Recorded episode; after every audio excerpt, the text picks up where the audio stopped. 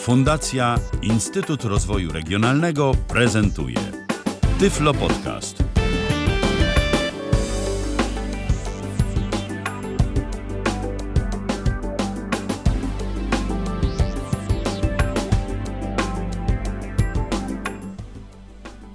Niespełna 5 minut po godzinie 19.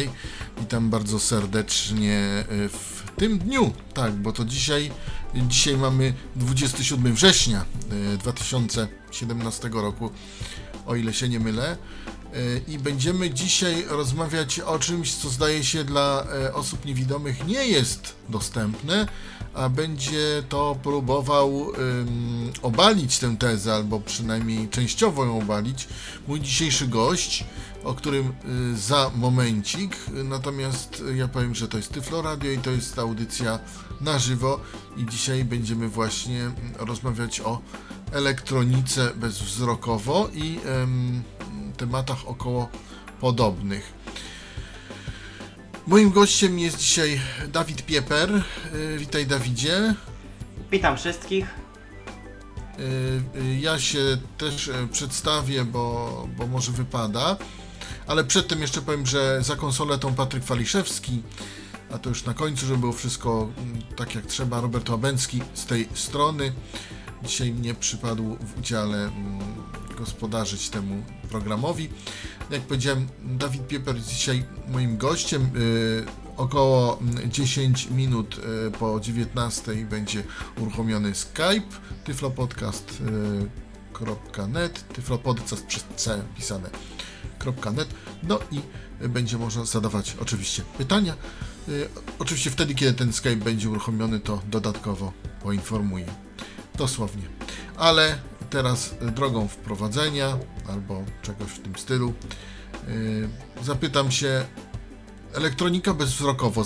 Zaproponowałeś nam taki temat y, swoją drogą.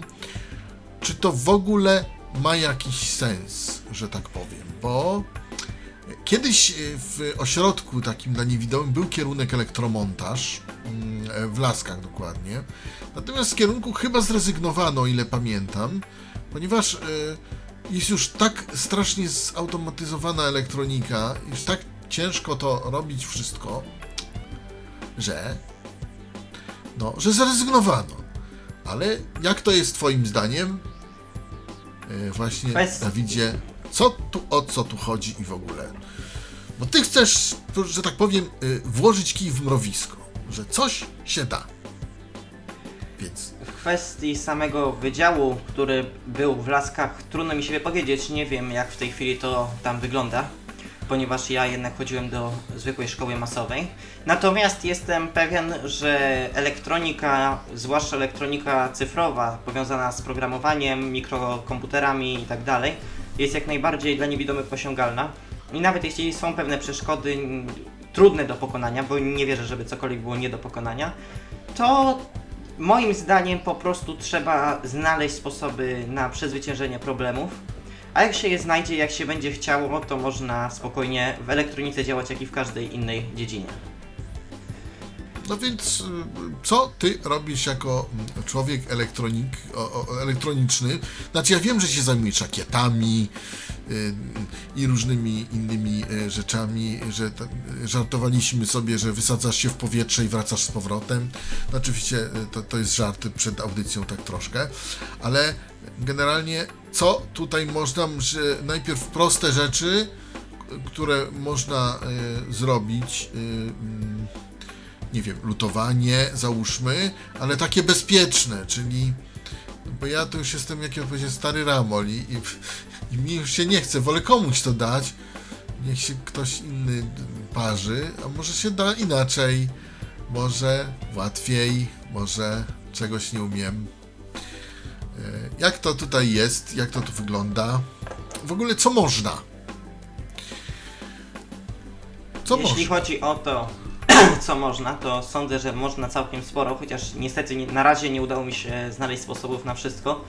Czym ja się zajmuję? Ja przede wszystkim w projekcie Infinity jestem programistą, więc tutaj moja praca elektroniczna bardziej jest w kierunku pisania oprogramowania, natomiast nie tylko. Jeśli chodzi o wspomniane lutowanie, no niestety cudów nie ma. Są rzeczy, które są praktycznie nie do zlutowania po niewidomemu. E, zwłaszcza mikroelementy, które są coraz popularniejsze, to są tak zwane obudowy SMD i to są naprawdę elementy, które możemy liczyć w milimetrach. Ich zlutowanie graniczy z cudem, chociaż wierzę, że kiedyś znajdzie się ktoś, kto powie Dawid, ty gadasz bzdury, ty, ja tutaj lutuję takie rzeczy i nie mam problemu. Ja tej sztuki nie opanowałem, natomiast lutowanie jakichś większych elementów przewlekanych THT czy po prostu przewodów jest jak najbardziej osiągalne. Chociaż skłamałbym, gdybym powiedział, że nigdy się nie poparzyłem, bo parzę się przynajmniej raz w miesiącu. A co to jest THT? Przelewa, przewlekane THT. To są, to są te, obudowy, które mają y, swoje. Y, które są po prostu dużych rozmiarów, mają po kilka nóżek, na przykład taki rezystor ma dwie nóżki i nie jest wielkości liczonej w dziesiątych częściach milimetra, a jest wielkości takiej, że przypomina bardziej kawałek drutu. To jest właśnie budowa przewlekana. I są to elementy, z którymi początkujący elektronicy pewnie będą się spotykać yy, częściej. Elementy SMD to są już elementy, których używa się w prawdziwych projektach, zaawansowanych projektach, bo nawet dla widzących ich lutowanie nie jest prostą rzeczą. Natomiast no, y, y, może zejdźmy troszeczkę, y, bo to czym też zboczyłem, ale możliwości właśnie na przykład właśnie te elektroniczne w przypadku osób niewidomych, jak one mogą, co właśnie można zrobić, jak można zrobić w miarę bezpiecznie. Na przykład tutaj możliwości lutowania. No, zacznijmy może od lutowania potem może będzie projekcja tych układów, e, to już później, ale takie z początku takie rzeczy, nie wiem, na przykład zlutować przewód w sposób bezpieczny, albo nie mówisz, że tutaj jakąś płytkę przyniosłeś, którą, którą masz zlutowaną, zrobioną ręcznie, zlutowaną. Jak tutaj to wszystko, jak sobie poradzić z tym? Teraz może są lutownice. Ci, którzy mnie znają, ci, którzy mnie znają, mogą powiedzieć, że w moim wypadku bezpieczny i co, robić cokolwiek to są y, całkowite sprzeczności, ale oczywiście jest to pół żartem. Jak można lutować? Przede wszystkim obecnie używane lutownice to już nie są te transforma y, transformatówki, których używano parę, parę dziesiąt lat temu. W tej chwili nowoczesne lutownice to są już układy elektroniczne, co znacznie ułatwia życie. Najważniejsze jest to, że te niestety droższe stacje lutownicze mają fajną cechę pod tytułem temperatura ustawiana klawiszowo, więc można kontrolować bezwzrokowo temperaturę grota. Pod tytułem pikają jak się nagrzeją, pikają jak się schłodzą i tak dalej. Jest to o tyle przydatna cecha, że chociaż zaprojektowane dla widzących, jest to jednak sygnał dźwiękowy, więc jak najbardziej jest dla nas osiągalne. Jeśli chodzi o lutowanie zwykłych przewodów, mój... Jakieś polecasz stacje lutownicze? Może bo ja może zejdę. E, za moich czasów było coś takiego, że e, brało się taką wielką kolbę, taki walec jakby, do którego się, do którego trzeba było e, grot wkręcić i to się rozgrzewało przez pół godziny i to było takie wielkie gorące, a potem szczytem nowości była lutownica tak zwana pistoletowa, gdzie, gdzie, gdzie brało się coś takiego podobnego do pistoletu, lufą był ten grot, Y, który był wkręcony w dwie y, śrubki między. No i to naciskało się tak zwany cyngiel, tak? Tak jak w broni, y, tak jak w karabinie albo w innym takim. No i wtedy ten grot się szybko rozgrzewał. Taka lutownica była dość, dość ciężka, potem były chyba lżejsze, a teraz to już nie wiem, co, co, co jest. I ty uważasz, że te lutownice takie karabinowe to już jest przeszłość? I ja już się nie znam aż tak. Jestem strasznie do tyłu. Jak to teraz mm. wygląda z tymi stacjami lutowniczymi, z tymi lutownicami? Lutownice pistoletowe to już jest, obawiam się, przeżytek, chociaż można nadal gdzieś spotkać w jakichś starych sklepach elektronicznych. Ostatnio widziałem, bardzo się zdziwiłem. Natomiast obecnie najpopularniejsze lutownice to są, yy, mówimy tutaj o lutownicach grotowych, bo są też już inne rodzaje lutownic. To są lutownice, w których mamy taką skrzyneczkę. Nie wiem jak to opisać, ja w tej chwili nie mam tej lutownicy przy sobie, bo ona stoi w piwnicy Ale jest to taka mała skrzyneczka, y, która waży coś koło kilograma, więc nie jest ciężka, w której są wszystkie przełączniki, y, przyciski, pokrętła, którymi można kontrolować lutownicę, a z niej wychodzi po prostu taki pręt, który ma taką gumową osłonkę na rękę. Kiedy chwycimy za tą gumową osłonkę, trochę mi to przypomina grot strzały od przodu, jest bardzo cienkie, co jest dużą zaletą dla nas niewidomych i to się prawie od razu nagrzewa, jednocześnie nie parząc nam w miejscu, gdzie trzymamy, więc można dość bezpiecznie lutować i czas nagrzewania, czas chłodzenia w tych lepszych stacjach lutowniczych możemy liczyć w sekundach, więc nie ma tu już pół godziny czekania. A, czyli, czyli, czyli jednak też. Nie no, te, te transformatorowe, y, znaczy transform, te pistoletowe, no były transformatorowe, one też się y, szybko nagrzewały. To trzeba przyznać. Natomiast to, no, one były dość ciężkie i prawdę mówiąc trzeba było bardzo uważać na, no, na to, żeby, żeby tą ręką precyzyjnie w ten, tam, gdzie chcemy w- lutować. No ale to moje czasy, moje u mnie była oddzielnie cyna, oddzielnie kalafonia. Jedne rzeczy się robiło tylko kalafonią, drugie cyną, a trzecie i jednym i drugim. Teraz to już mówisz jest inaczej wszystko. Powiedz jak jest teraz, bo, bo, bo, bo, bo, bo, bo, bo ja nie wiem, tak? Na chwilę obecną jak lutować, to rzeczywiście cynę, którą możemy kupić, to jest zwykle cyna z kalafonią. Taka moja uwaga, jak wybierać cynę do lutowania typowo bezwzrokowego, to dobrze wydać trochę więcej pieniędzy i niech to będzie cyna z elementami srebrna, y, srebra, ponieważ nie zrobimy tak dobrego lutu jak zwykłą cyną, a jednak ta z, ze srebrem ma nieco lepsze właściwości i może czasem, nie zawsze, ale czasem zrekompensować brak ideału naszego lutu. Ale ostrzegam, jest to jednak trochę droższy wydatek, nie jest to 3-4 zł, które zapłacimy za zwykłą cynę bezołowiową.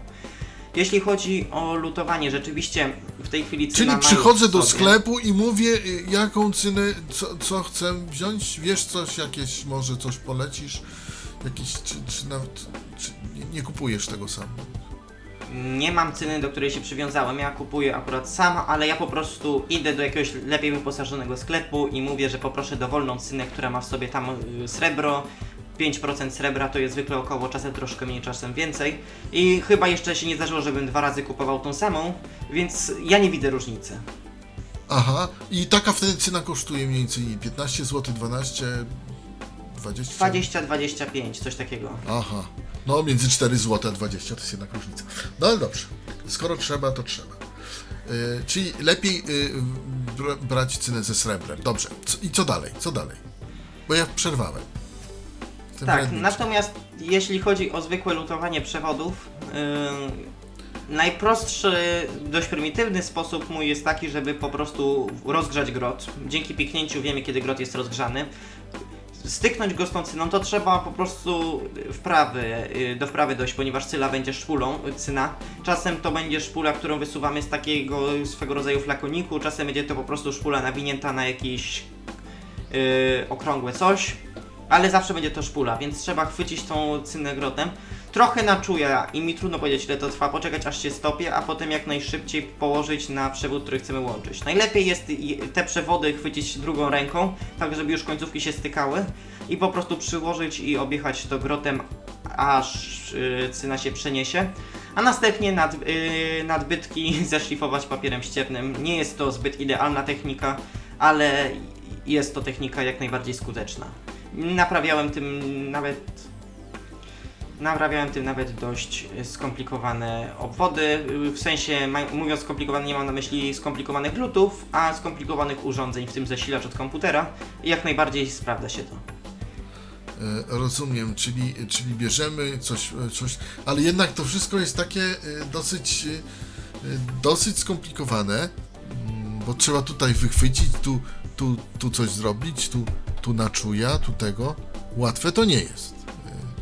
Nie jest, Ale- natomiast gwarantuję, że wraz z praktyką y, robi się to coraz prostsze. Ja kiedyś, kiedyś mi wychodził lód 1 na 5, 1 na 6, w tej chwili jednak tak z 3 na 4, 4 na 5 mi wyjdą, więc oczywiście so- jest to tylko lutowanie przewodów, ewentualnie jakichś prostych, y, nie wiem, oporników i takich rzeczy, a nie lutowanie skomplikowanych płytek. Aha, aha. E, Mamy aktywny Skype już, jakby ktoś chciał zadać pytanie dla naszego gościa, jak najbardziej, tyflopodcast.net to jest e, login i jest ten Skype, Skype, Skype chyba się mówi, aktywny. Zawsze mi ktoś poprawia, jakby ktoś chciał. Y, Tytułem, Natomiast- tytułem wstępu. Tak właśnie.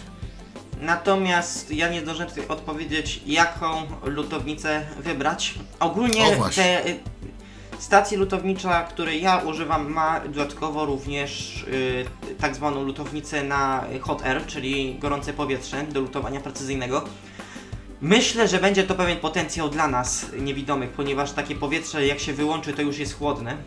Natomiast nie, nie udało mi się jeszcze z tym bardziej powalczyć, ponieważ wiadomo, jak jest- się w liceum, to ciągle je- jednak trzeba się y, do nauki lecieć.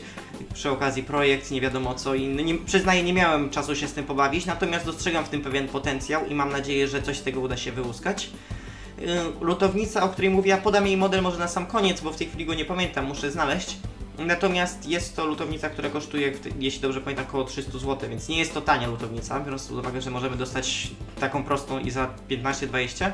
Natomiast i taką prostą, jakieś proste luty zrobimy, przy czym nie będziemy mieli tych, tego całego komfortu pod tytułem, że wiemy kiedy lutownica jest gorąca i tak dalej. Aha, ale teraz się, się, zapytam, bo mamy lutownice grotowe, y, bo też tutaj wychwyciłem, mamy lutownice grotowe i jakie jeszcze? Ja tylko takie znam. Y, Ale W tej chwili drugim dość często używaną metodą y, budowy lutownic to są właśnie lutownice na gorące powietrze, hot air. I to są lutownice, które nie mają grota, który wstykamy, a mają na końcu taką cienką dyszę, która wydmuchuje bardzo gorące powietrze. No to jest 500-600 stopni Celsjusza. I lutujemy tylko nagrzewając elementy, że tak powiem, z pewnej odległości. Natomiast trudno mi się wypowiedzieć o skuteczności takiego lutowania, bo jak mówię, nie miałem czasu jeszcze eksperymentować z tym. To, to może być rzeczywiście jakiś potencjał. Ale to y, używałeś tego już troszeczkę. Y, wiesz, czy to, to jakoś dmucha, w, w, coś wydaje jakieś dźwięki. Jak najbardziej air. dmucha. Dmucha i jest całkiem słyszalna jego praca, chociaż nie jest bardzo głośna. Więc ja w tym potencjał widzę duży. Może ktoś słuchaczy eksperymentował, ja niestety jeszcze okazji nie miałem. Ale myślę, że może to ułatwić wiele rzeczy. Niestety największą wadą Hot Era jest to, że jest ta dyszeczka dość mała i podejrzewam, że będzie trzeba dużo zabawy, żeby zlutować grubszy przewód, ale kto wie, może to będzie przełomowe. Warto też tutaj zaznaczyć, że jakikolwiek lód zrobi osoba niewidoma, no niestety nie będzie on zbyt trwały, ponieważ trudno nam dokładnie ca- całość obrysować, więc y, podstawa niech to się zaklei taśmą izolacyjną, bo ta cyna łatwo może puścić. A, no proszę, no proszę. Y, czyli lutownice hot air, gorące powietrze, lutownice grotowe, jakieś jeszcze są? Do użytku takiego prywatnego to raczej nie. Są różne inne wymysły, nie wiadomo co, ale kilka takich lutownic widziałem i na pewno żadna nie nadaje się do zwykłego, codziennego użytku. Więc my tak naprawdę w granicach tych grotówek i hot air, przy czym grotówki też mogą być różne, bo mogą to być oczywiście te lutownice oporowe, które w tej chwili chyba są najpopularniejsze, ale mogą być to też lutownice transformatorowe, czy też nawet pistoletowe, które jeszcze są, jak się mówiłem, na rynku dostępne. Znaczy, te, te, te pistoletowe to chyba też były transformatorowe. No to tak wyglądało, ja... Tak, tylko po prostu rozróżniamy klasyczną transformatorową od takiej pistoletowej, po prostu takie nazywając. Oczywiście pistoletowa lotownica też jest na transformatorach. y, no, no właśnie te, też mi się tak wydawało. Y, Natomiast no właśnie, czyli tak, mm, czyli mamy y, lutownicę taką już właśnie, żeby nam pikało i, i tak dalej, to tam podasz później co to, co to jest. Znaczy czego ty używasz, a no bo może się przydać dla słuchaczy. Y, Mamy cyny z mm, elementami srebra. Co je, czy jeszcze nam coś jest potrzebne do lutowania? Zależy czym chcemy się bawić. Na pewno jeżeli chcemy robić coś bardziej zaawansowanego, bawić się w robienie y, lutów związanych już z precyzyjniejszą pracą. Natomiast jak mówię, dla niewidomych tutaj słabo wygląda. No ale jeśli ktoś się o coś takiego pokusi, na pewno również warto zaopatrzyć się w kalafonie, bo możemy jej dodać więcej, żeby łatwiej cynę y, roztopić i łatwiej ją kontrolować. Efektem ubocznym jest to, że łatwiej można się też poparzyć, ale no cóż. Ja jeszcze wrócę do hot airów. Y, To powietrze, ono się szybko rozgrzewa. Bardzo szybko, bardzo szybko je można mieć gotowe w kilkanaście, kilkadziesiąt sekund. Aha, czyli to, czyli to jest na tej zasadzie, że, że uruchamiamy ten hot air, to nam dmucha, dmucha, dmucha i kiedy wiemy, że to powietrze już ma tą temperaturę, która jest pożądana? Pięknie piknie. A, właśnie. Czyli dostajemy sygnał dźwiękowy, jak już, jak już mamy. Czyli tak samo jak w, w, w, w tym. Tak, lutownica, której ja używam, ma już sama w sobie dwie końcówki, ma ten grot, ma powietrze, jest tylko pstryczek, którym się przełącza, której chce się użyć. No proszę, proszę. No także to są, to są e, e, rzeczy ciekawe. No także tak, mówisz, przewody da się e, zlutować jakoś, da się e, naprawić urządzenia e, użytku domowego, jakieś AGD. Myślę, że tak, przyznam uczciwie, nie bawiłem się aż tak szeroko, bo jednak mam osoby widzące w domu i zawsze lepiej zlecić jak się można. Zwłaszcza, że dla nich oczywiście jest to bezpieczniejsze, łatwiejsze i przyjemniejsze. Natomiast sądzę, że można. Chociaż mówimy też oczywiście o prostych naprawach, a nie naprawianiu skomplikowanych y, obwodów drukowanych, gdzie liczy się dokładność zakresu 5 mm. Albo i mniej. No, no właśnie, aby teraz może przejdźmy się do tych obwodów drukowanych, no bo tutaj mamy te, mm, te y, przewody powiedzmy, że jakoś za sobą, czyli tak, no ja tam bym nie, nie do końca, ale to ja, ja, uważam, że albo coś się robi, albo nie robi się nic. Y, wolę komuś innemu dać, już w tej chwili, na tym etapie swojego życia, ale dobrze.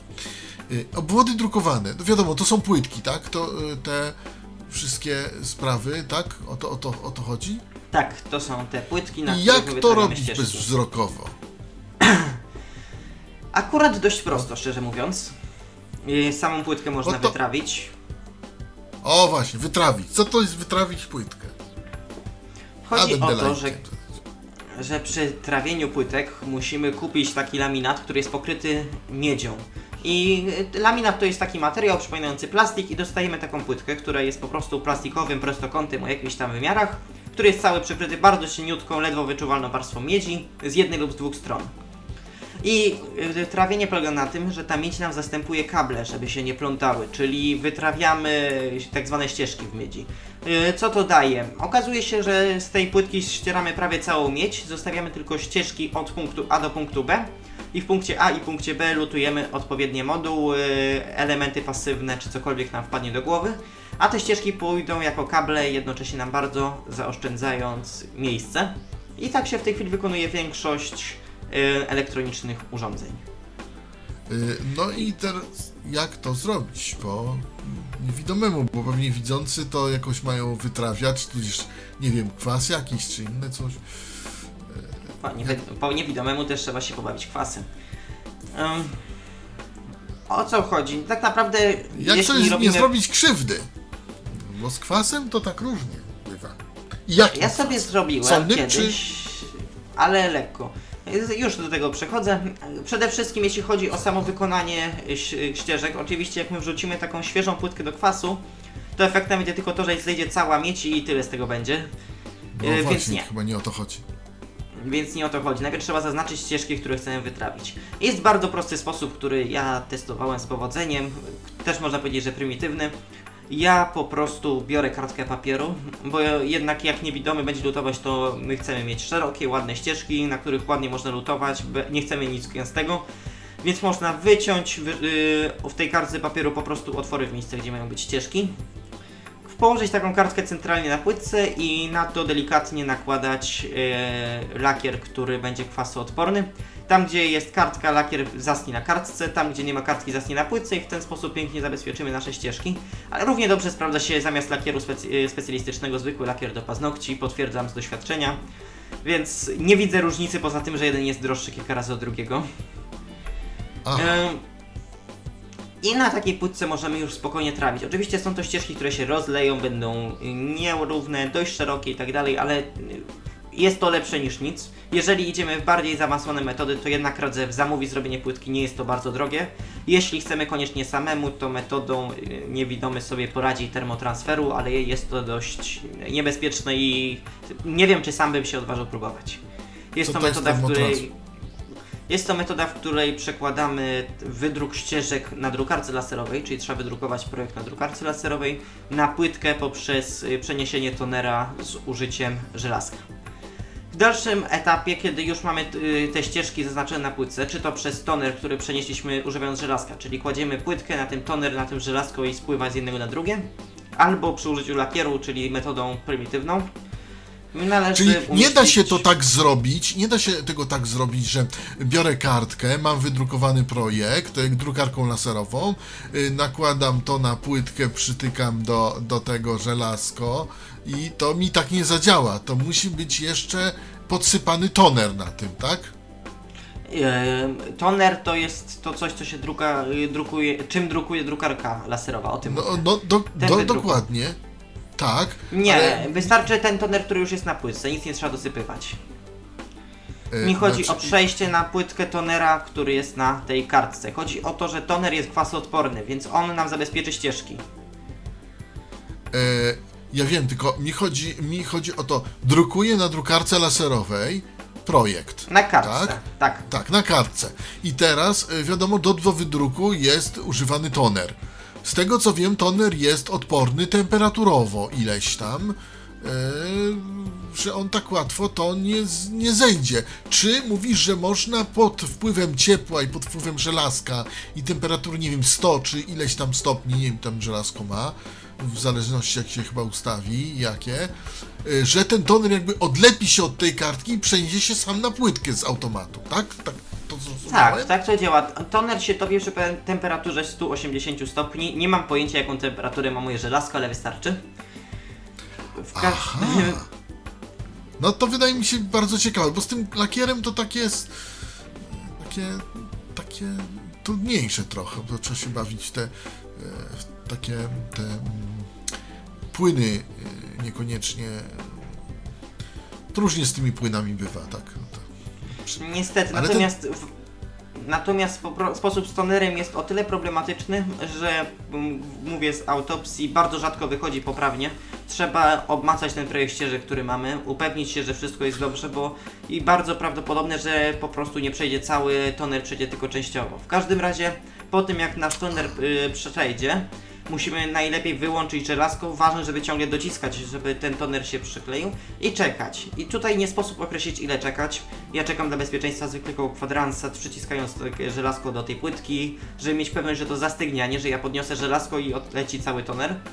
I następnie trzeba oderwać kartkę, która się na pewno przyklei do płytki, bo to jest temperatura.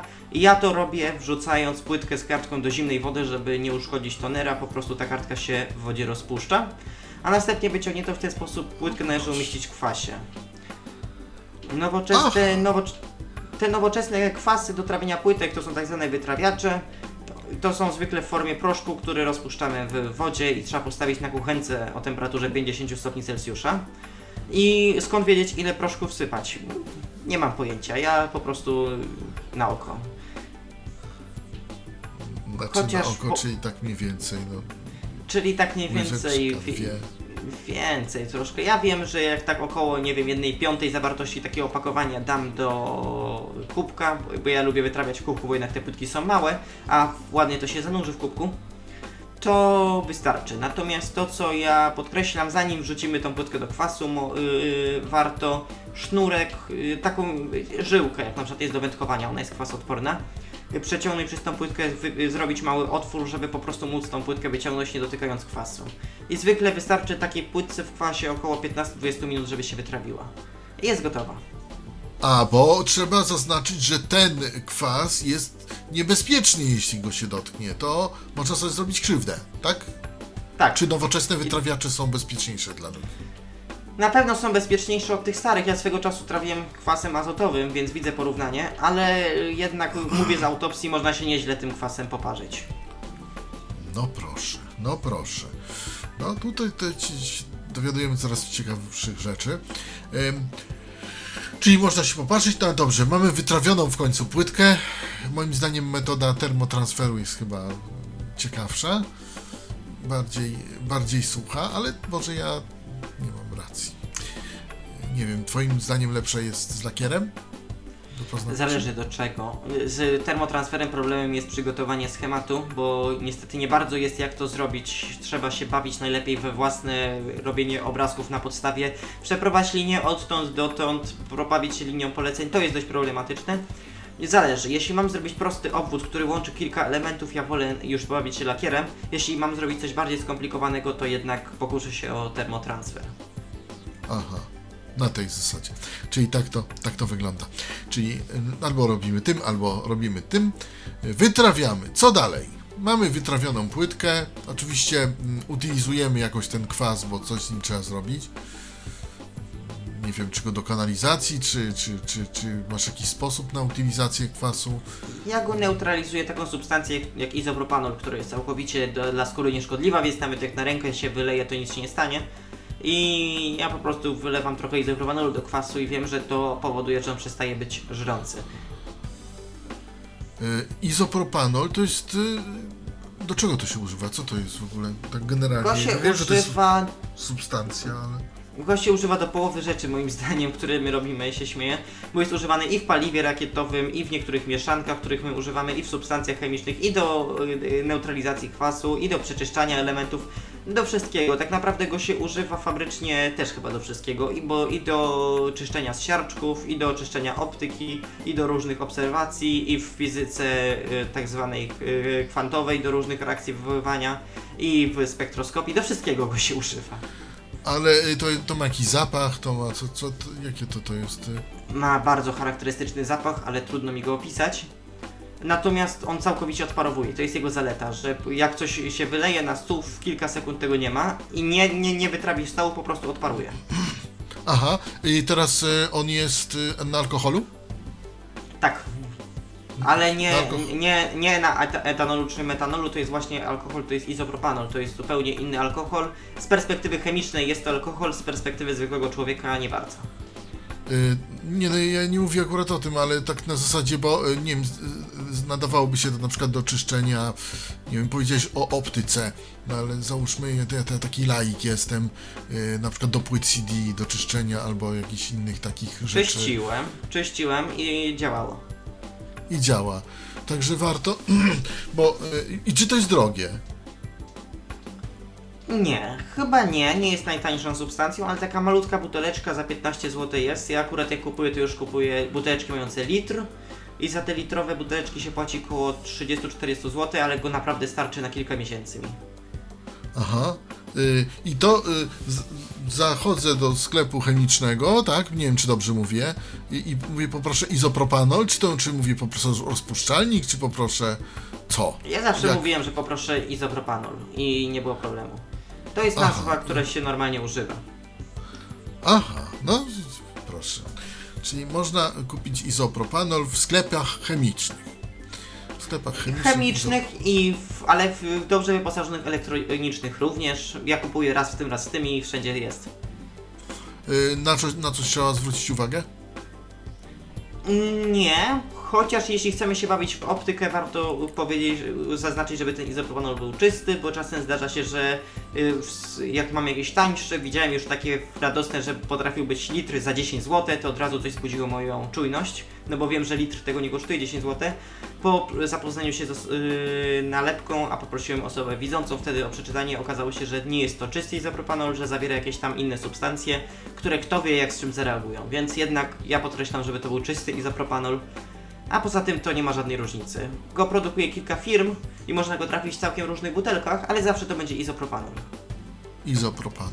Dobrze, więc y, neutralizujemy izopropanolem kwas, który, który potem możemy wylać chyba do y, y, kanalizacji, tak? Czy Tak, Czy- ja czy- chyba czy- tak.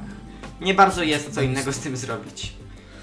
nie, chodzi po prostu, żeby to nie było y, dla środowiska y, jakieś y, złe, prawda? Bo, bo jak wylejemy taki wytrawiacz do, do kanalizacji, no to y, popełnimy jakąś tam szkodę.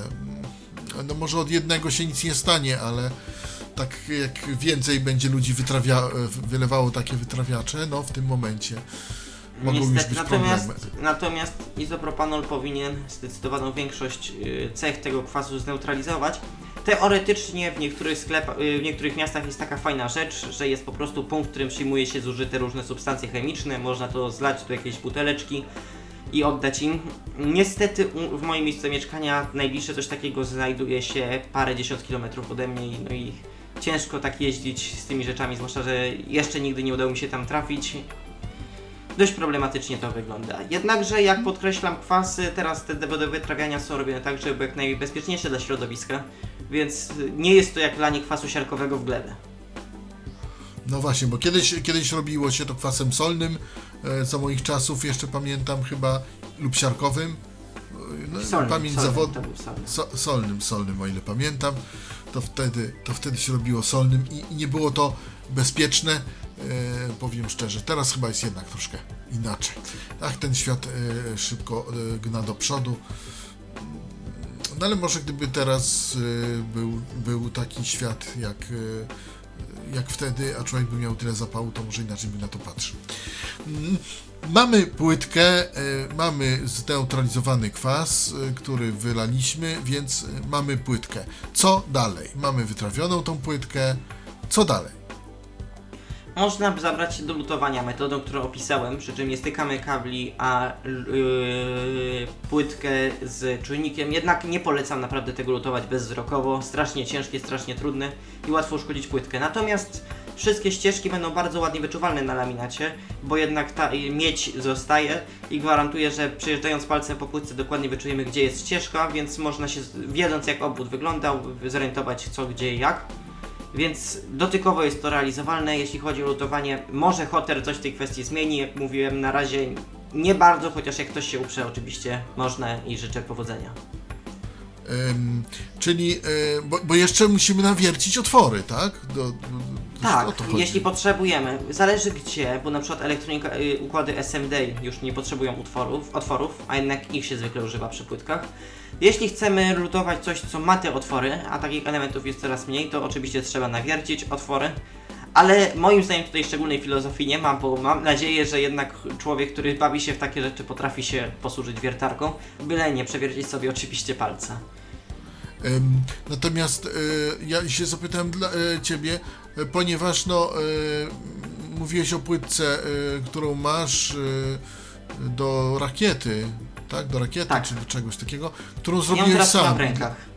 E, No właśnie, i e, chodzi mi o to, że ponoć ją robiłeś sam, nie robił Ci to nikt e, widzący. Nie, nie, nie, nie. Ja to robiłem we współpracy z widzącymi. Do mnie należało zrobienie projektu, przygotowanie układu ścieżek, wydrukowanie tego, przygotowanie termotransferu, ale samo lutowanie w większości przypadków, prócz tam kilku poprawek, to jest kwestia jednak osób, które są z projektu i które widzą. Natomiast płytka była, wyszła dość precyzyjnie. Ona ma wymiary 5,5 na 10 cm. I muszę przyznać, że jestem z niej dość zadowolony ponieważ dość duża jest gęstość tych ścieżek, a termotransfer bardzo ładnie się na niej odbił. W płytce jest pewien błąd, który już zauważyliśmy i trzeba robić nową. Natomiast y, samo odbicie i samo wykonanie płytki z projektu jest dość udane moim zdaniem. Czyli jednak to lutowanie na płytce, powiedzmy sobie szczerze, no to raczej nie polecasz. Nie polecam, chociaż oczywiście nie mówię, że nie można, ponieważ moim zdaniem jak ktoś się uprze to można i czemu nie, zwłaszcza jeśli nie ma chętnych. Jednakże jeśli są chętni, to jednak polecam dać komuś widzącemu, chociażby z tej przyczyny, że niewidomy jak zlutuje, czasem trudno zauważyć, że tutaj poszło zwarcie, a po co tracić cenne elementy, stracony czas na płytce i tak dalej, żeby spalić cały układ, więc warto jednak dać komuś widzącemu. Czyli y, może już uściślimy, osoba niewidoma, że tak powiem, co na pewno dobrze zrobi, jeśli chodzi o lutowanie. I potem przejdziemy pewno- sobie do...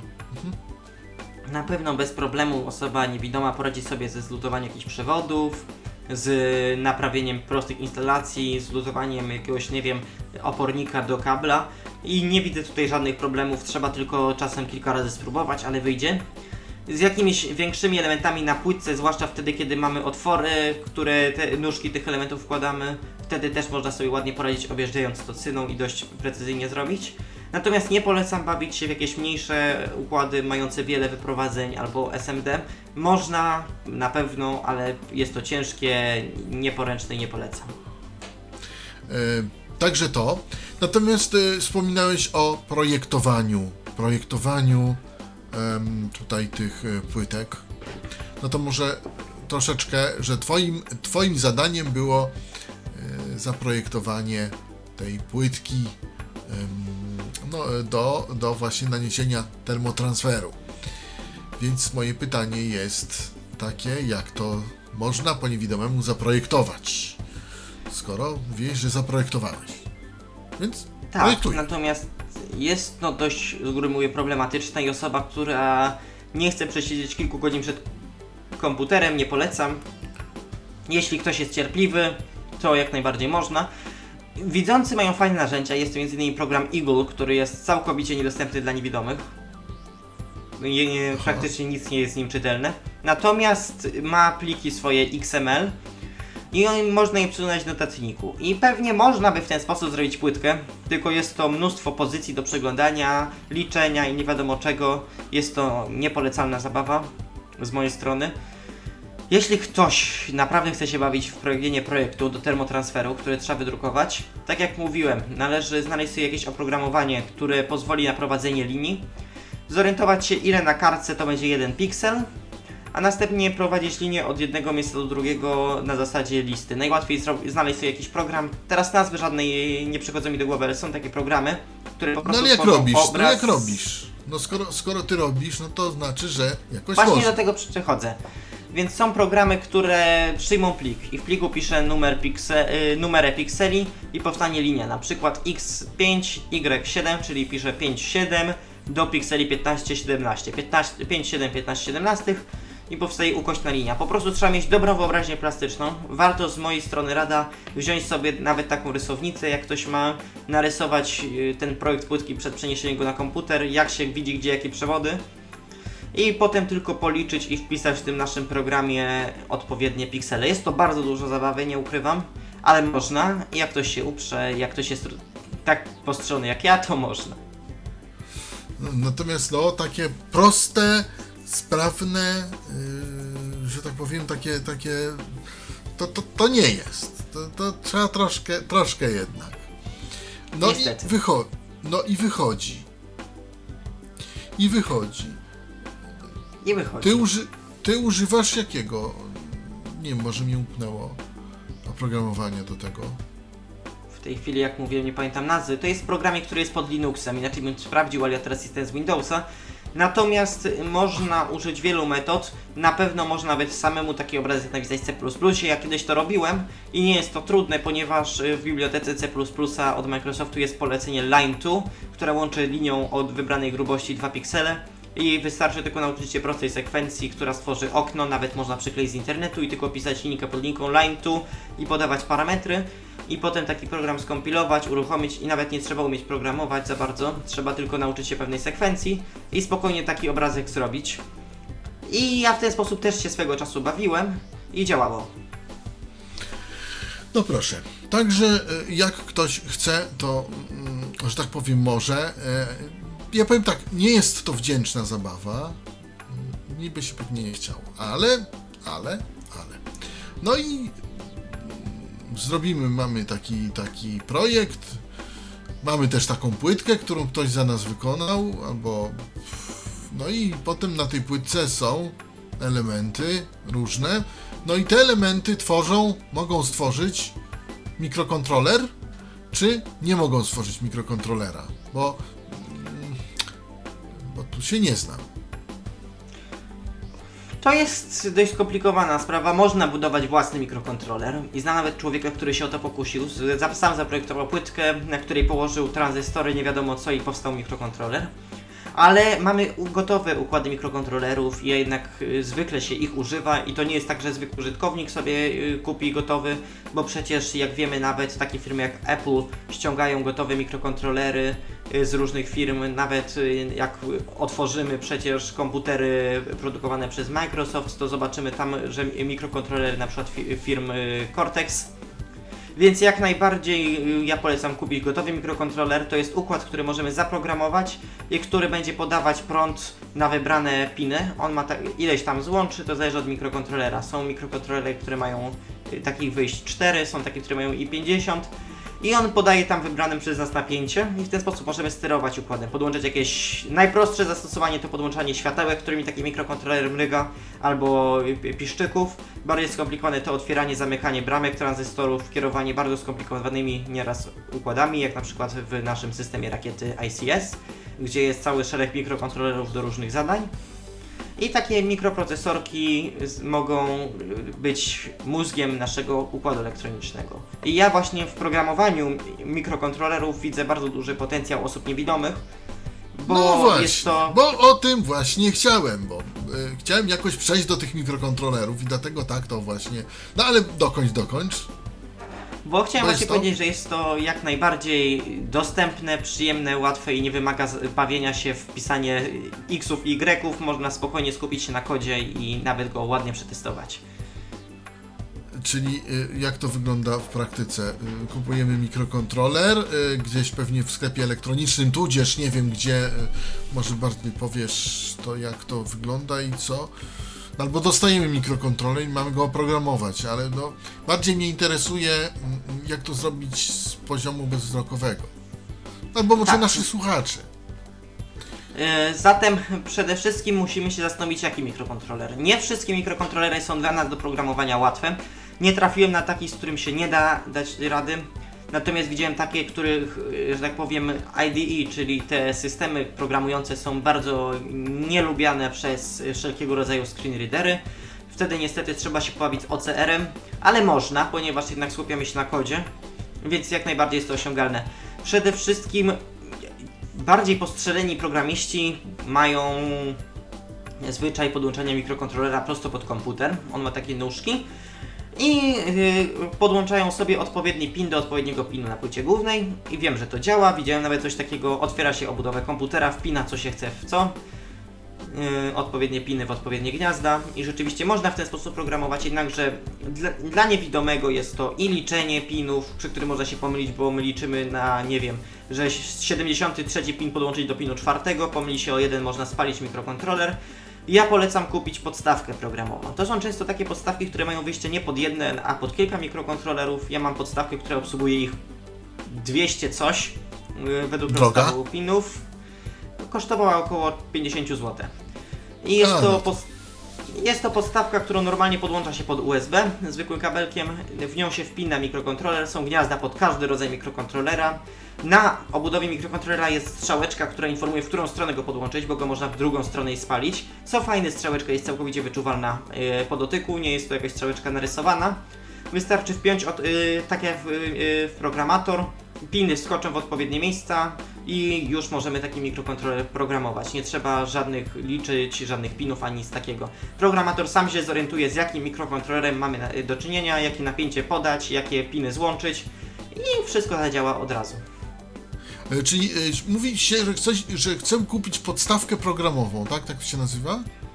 Tak, to jest pro podstawka programowa. Ja też na koniec podam, to już znajdę, bo ja mam gdzieś numer tej mojej. To są tak zwane podstawki programowe i mamy zwykle, ja, ja akurat głównie programuję mikrokontrolery firmy Atmel, więc jak najbardziej musi to być podstawka do mikrokontrolerów firmy Atmel. Jeśli ktoś skupi się na innej firmie, to oczywiście musi być to podstawka dla mikrokontrolerów danej firmy. Niestety nie ma podstawek, które sprawdzają się do kilku firm naraz. Natomiast ja na przykład będąc wierny firmie Atmel mam do wyboru cały szereg mikrokontrolerów, od takich malutkich naprawdę, które ja y, zmieszczę między dwoma palcami i nic mi poza nie nie wyjdzie, od naprawdę dużych, które potrafią mieć po 15 cm długości, więc jest do wyboru, do koloru. Jak, jak ktoś wybierze sobie firmę, może jej pozostać wiernym. E, To znaczy, ale mi chodzi o to, czy jak ja zajdę do sklepu komputerowego i powiem, poproszę podstawkę programową, to ja kupię, czy to muszę jakoś specjalnie? To, to jest jakieś bardziej skomplikowane urządzenie i trzeba to gdzieś zamawiać, coś, jak, jak to mniej więcej tutaj wygląda? Nie wiem, szczerze mówiąc, bo ja zamawiałem, natomiast w Polsce na pewno są dostępne. Ja jestem, yy, korzystam często z usług sklepu Botland. Mają bardzo dużą ofertę, to jest sklep internetowy i ja u nich ściągałem programator do yy, podstawkę programującą. i jak najbardziej to działało. Co warto zaznaczyć, często te podstawki programujące, jak moja, wymagają jeszcze dodatkowo programatora. To jest coś takiego, yy, co pozwala troszkę zaoszczędzić koszta na przyszłość, czyli mamy podstawkę, która, do której wpinamy mikrokontrolery. Jest to swego rodzaju płytka już z różnymi przejściami. I osobno mamy programator. I w tej chwili, jeśli chcemy, y, do płytki wpinamy programator z jednej strony i do komputera z drugiej, więc są to jakby dwa czujniki. I w tej chwili, jeśli chcemy kupić, nie wiem, nową płytkę pod jakieś inne, inne mikrokontrolery, to nie musimy kupować razem z drogim programatorem, tylko wymieniamy płytkę, która może kosztować powiedzmy 20 zł, a programator wpinamy ten sam. Albo tak samo jak spali się programator, co się niestety zdarza, możemy użyć naszej płytki i tylko wymienić programator. Y, Programator jak wygląda? Co, co to jest? Znaczy, jak to wygląda? Może tak, to jest takie skrzyneczka, y, pudełko zapałek. Co to jest? Różnie. Pierwszy programator, jaki miałem, był całkiem sporych rozmiarów, bo był rozmiaru telefonu komórkowego. A mój obecny, bo tamten niestety już dokonał żywota kilka lat temu, mój obecny to jest po prostu wygląda trochę jak pendrive, mały pendrive, który z jednej strony wchodzi do USB, a z drugiej jest, no mówię, coś wielkości pendrive'a i kabelek, który idzie do płytki programującej, który trzeba wpiąć w odpowiedni przewód, ale nie ma to problemów co wpiąć, ponieważ pasuje tylko do jednego gniazda. Y, Czy to jest, y, czy ja mogę, dobrze mówię y, i dobrze porównuję, że można to tym, teraz tak z poziomu laika, mogę na przykład tym programować EPROM do jakiegoś BIOSu komputera? Tak, można. Grać? Ja kiedyś nawet, i nawet się tak bawiłem i to jak najbardziej działa. Aha, czyli tym można. I teraz jak załóżmy chcę taką podstawkę sobie na, nabyć z tego sklepu Botland, y, on chyba nie jest polski, tak? To jest chyba jakiś inny. To jest sklep, który jest w Polsce. A, oni mają Botland.pl, siedzibę. tak? Tak? oni mają siedzibę gdzieś w okolicach Kępna. Nie, no nieważne. W każdym razie y, chodzi o to, że y, patrzę, podstawka programowa, tak? Y, na tej zasadzie. I programator, i wtedy i, i sobie tam zamawiam. Tak, warto tylko właśnie zwrócić uwagę na to, czy dana podstawka wymaga programatora, czy już ma wbudowany programator, bo może być tak, że ktoś kupi sobie i się okaże, ups, jednak trzeba coś jeszcze kupić, a nie ma co płacić dwa razy za przesyłkę. No tak, tak, tak, rzeczywiście, rzeczywiście jedna przesyłka, jeden, e, jeden raz. E, No i dobrze, i mamy już e, ten, to, to, to, ten programator, mamy płytkę, mamy mikrokontroler podłączony i co robimy dalej? Mamy jakieś oprogramowanie do tego, e, tylko jakie i co jest dla nas dostępne? No bo to wiadomo, już samo oprogramowanie to już się będą bawić ci, co to mm, robią. Natomiast mm, chodzi mi o to, mm, co mamy, tak? Co, czego możemy użyć, żeby to robić. Mamy to po, po, połączone już te za pomocą USB, jak się domyślam, tak? Tak, zwykłego te- USB. No właśnie. I co mamy dalej? To jest widoczne No, jako co? Jako no. dysk, jako co? Jako... Mm, zależy. Większość programatorów, chociaż spotkałem się z wyjątkami, większość nie jest rozpoznawana przez system i trzeba do nich oczywiście wgrać sterowniki, ale tu nie ma żadnej filozofii, ściągamy ze strony producenta albo wgrywamy z płytki dołączonej z programatorem i działa. Trzeba teraz I sobie po- znaleźć jakieś... I po wgraniu on jest widoczny jako co? Jako dysk, jako Mój karta. obecny... W menedżerze urządzeń mi się pojawia jako kontrolery, y, kontrolery programujące AVR. Taka zakładka mi się pojawiła i tam widać ten programator, to jest MPSI, coś tam, coś tam. Aha, czyli, czyli tylko tam, nigdzie w, eksplo, w, w eksploratorze tego nie znajdziemy. Nie, nie, to trzeba mieć odpowiedni program. Dobra. A tutaj do wyboru do koloru. Możemy promować w różnych językach, w zależności od procesora. Niektóre procesory obsługują języki np. takie jak Python, Ruby, inne tylko języki C albo nawet tylko assembler, więc w zależności od mikrokontrolera, od firmy ten język będzie różny. Mamy różne środowiska, jedne bardziej dostępne, drugie mniej. Ja sam używam środowiska Arduino, które jest, ma bardzo dużo bibliotek, funkcji, ale jest słabe z dostępnością. Yy, nie czyta kodu, gadacz w tym środowisku. Nie czyta, bo to jest w Javie napisany jest grafika. Mój sposób na Arduino jest taki, że ja wciskam w polu tekstowym Ctrl A, Ctrl C, przeklejam sobie do notatnika, w notatniku naprawiam co chcę, kopiuję z notatnika i wklejam do Arduino i wtedy już kompiluję. I jak najbardziej już się przyzwyczaiłem do takiego, yy, takiej metody pracy. Jak ktoś nie chce w ten sposób, ktoś chce mieć ładne pole edycji, to jest nakładka nawet pod Microsoft Visual Studio, która obsługuje AVR-a. Jest dość upoga w biblioteki, bo niestety nie ma ich tak wielu jak Arduino, ale działa, jest w pełni zgodna z gadaczem i też się nią bawiłem i jedno zaprogramowałem i wszystko śmigało jak trzeba. A pod Linuxa jest... Tak? Tak, tak. A pod, Linu... Po- pod- pod Linuxa, jak ktoś chce, to jest pro- projekt jest AVRD, AVRD i on bardzo dostępny jest dla Orki i też się w nim bardzo ładnie programuje. Rozumiem. Y, Arduino to jest pod Windows, jak rozumiem. Ja się na tym nie znam, y, mówię od razu. I, y, Arduino to jest pod Windows i to się ściąga skądś z internetu i, i, Tak. ci, co tym się bawią, będą wiedzieć o co chodzi, tak? Tak, Tak, ono że też tak. działa pod Linuxem, ale nie ma co go używać pod Linuxem, skoro na Linuxie mamy aplikację dużo przyjaźniejszą. Natomiast co chcę podkreślić, bo ktoś może pomyśleć teraz, że ja mylę pojęcia, bo ktoś może powiedzieć Arduino, zaraz, przecież Arduino to jest zupełnie e, inna kategoria, to są tak zwane mi mikrokontrolery testowe i szkoleniowe, które są bardzo drogie, bo mają tą cechę, że mają już budowany z siebie programator, wystarczy takie Arduino podłączyć do komputera i działa. Kosztem jest troszkę większe rozmiary są. E, I mówi, no Dawid, przecież ja, ty mówisz tutaj o mikrokontrolerach, AVR-kach, a nagle mówisz Arduino. Nie, jak najbardziej Arduino ma biblioteki robione nie przez tą firmę, a przez osoby zewnętrzne, które można znaleźć, jak poszukamy. Można spokojnie znaleźć biblioteki pod Arduino do różnych, najróżniejszych procesorów, do AVR-ów, a nawet do ARMów, Cortexów y, i wszystkiego innego. I to Arduino będzie spokojnie z tymi rzeczami współpracować. No proszę, yy, więc yy, teraz nasunęło mi się mm, tutaj pewne skojarzenie, bo jeszcze powiedziałeś AVR, yy, powiedziałeś Cortex, ARM, a to mi się kojarzy z procesorami, szczególnie do, mm, do telefonów komórkowych i do urządzeń jakichś takich nawet gospodarstwa domowego, ale urządzeń takich bardziej troszkę zaawansowanych. Y, Na uwagę mi przyszła akurat y, ładowarka mówiąca, y, swego czasu wyprodukowana przez e, jedną z firm, Tyflo, mm, jedną z firm Tyflo. Ona miała też właśnie taki chyba Cortex czy coś, ale czy to są e, te mikrokontrolery, to, to są procesory? Tak, natomiast czy- róż, bardzo różnią ja- się wydajnością, ponieważ możemy mówić o mikrokontrolerach jako rzeczywiście o procesorach, które zasilają komórki, które nie wiadomo jakie obliczenia robią i mają nie wiadomo jaką wydajność, ale też mikrokontroler to może być procesorek, który mryga nam diodą, kosztuje 3 zł albo nawet mniej, jest malutki, ma moc obliczeniową y, wystarczającą do tych podstawowych zadań i nie dźwignie w życiu mowy, bo jest to ponad jego możliwości. I też to jest jak najbardziej mikrokontroler, więc jest to bardzo szeroka e, gama pojęć. My mówimy tutaj od wydajności nawet czasem e, takie, które mają 100 kHz, widziałem. Te najmniej, najmniejsze VR-ki, na których ja pracuję, mają wydajność 4 MHz, to jest bardzo mało, a największe, jakie widziałem, e, Cortexy miały wydajność liczoną w 2,2-2,3 GHz, więc przestrzał jest całkiem spory.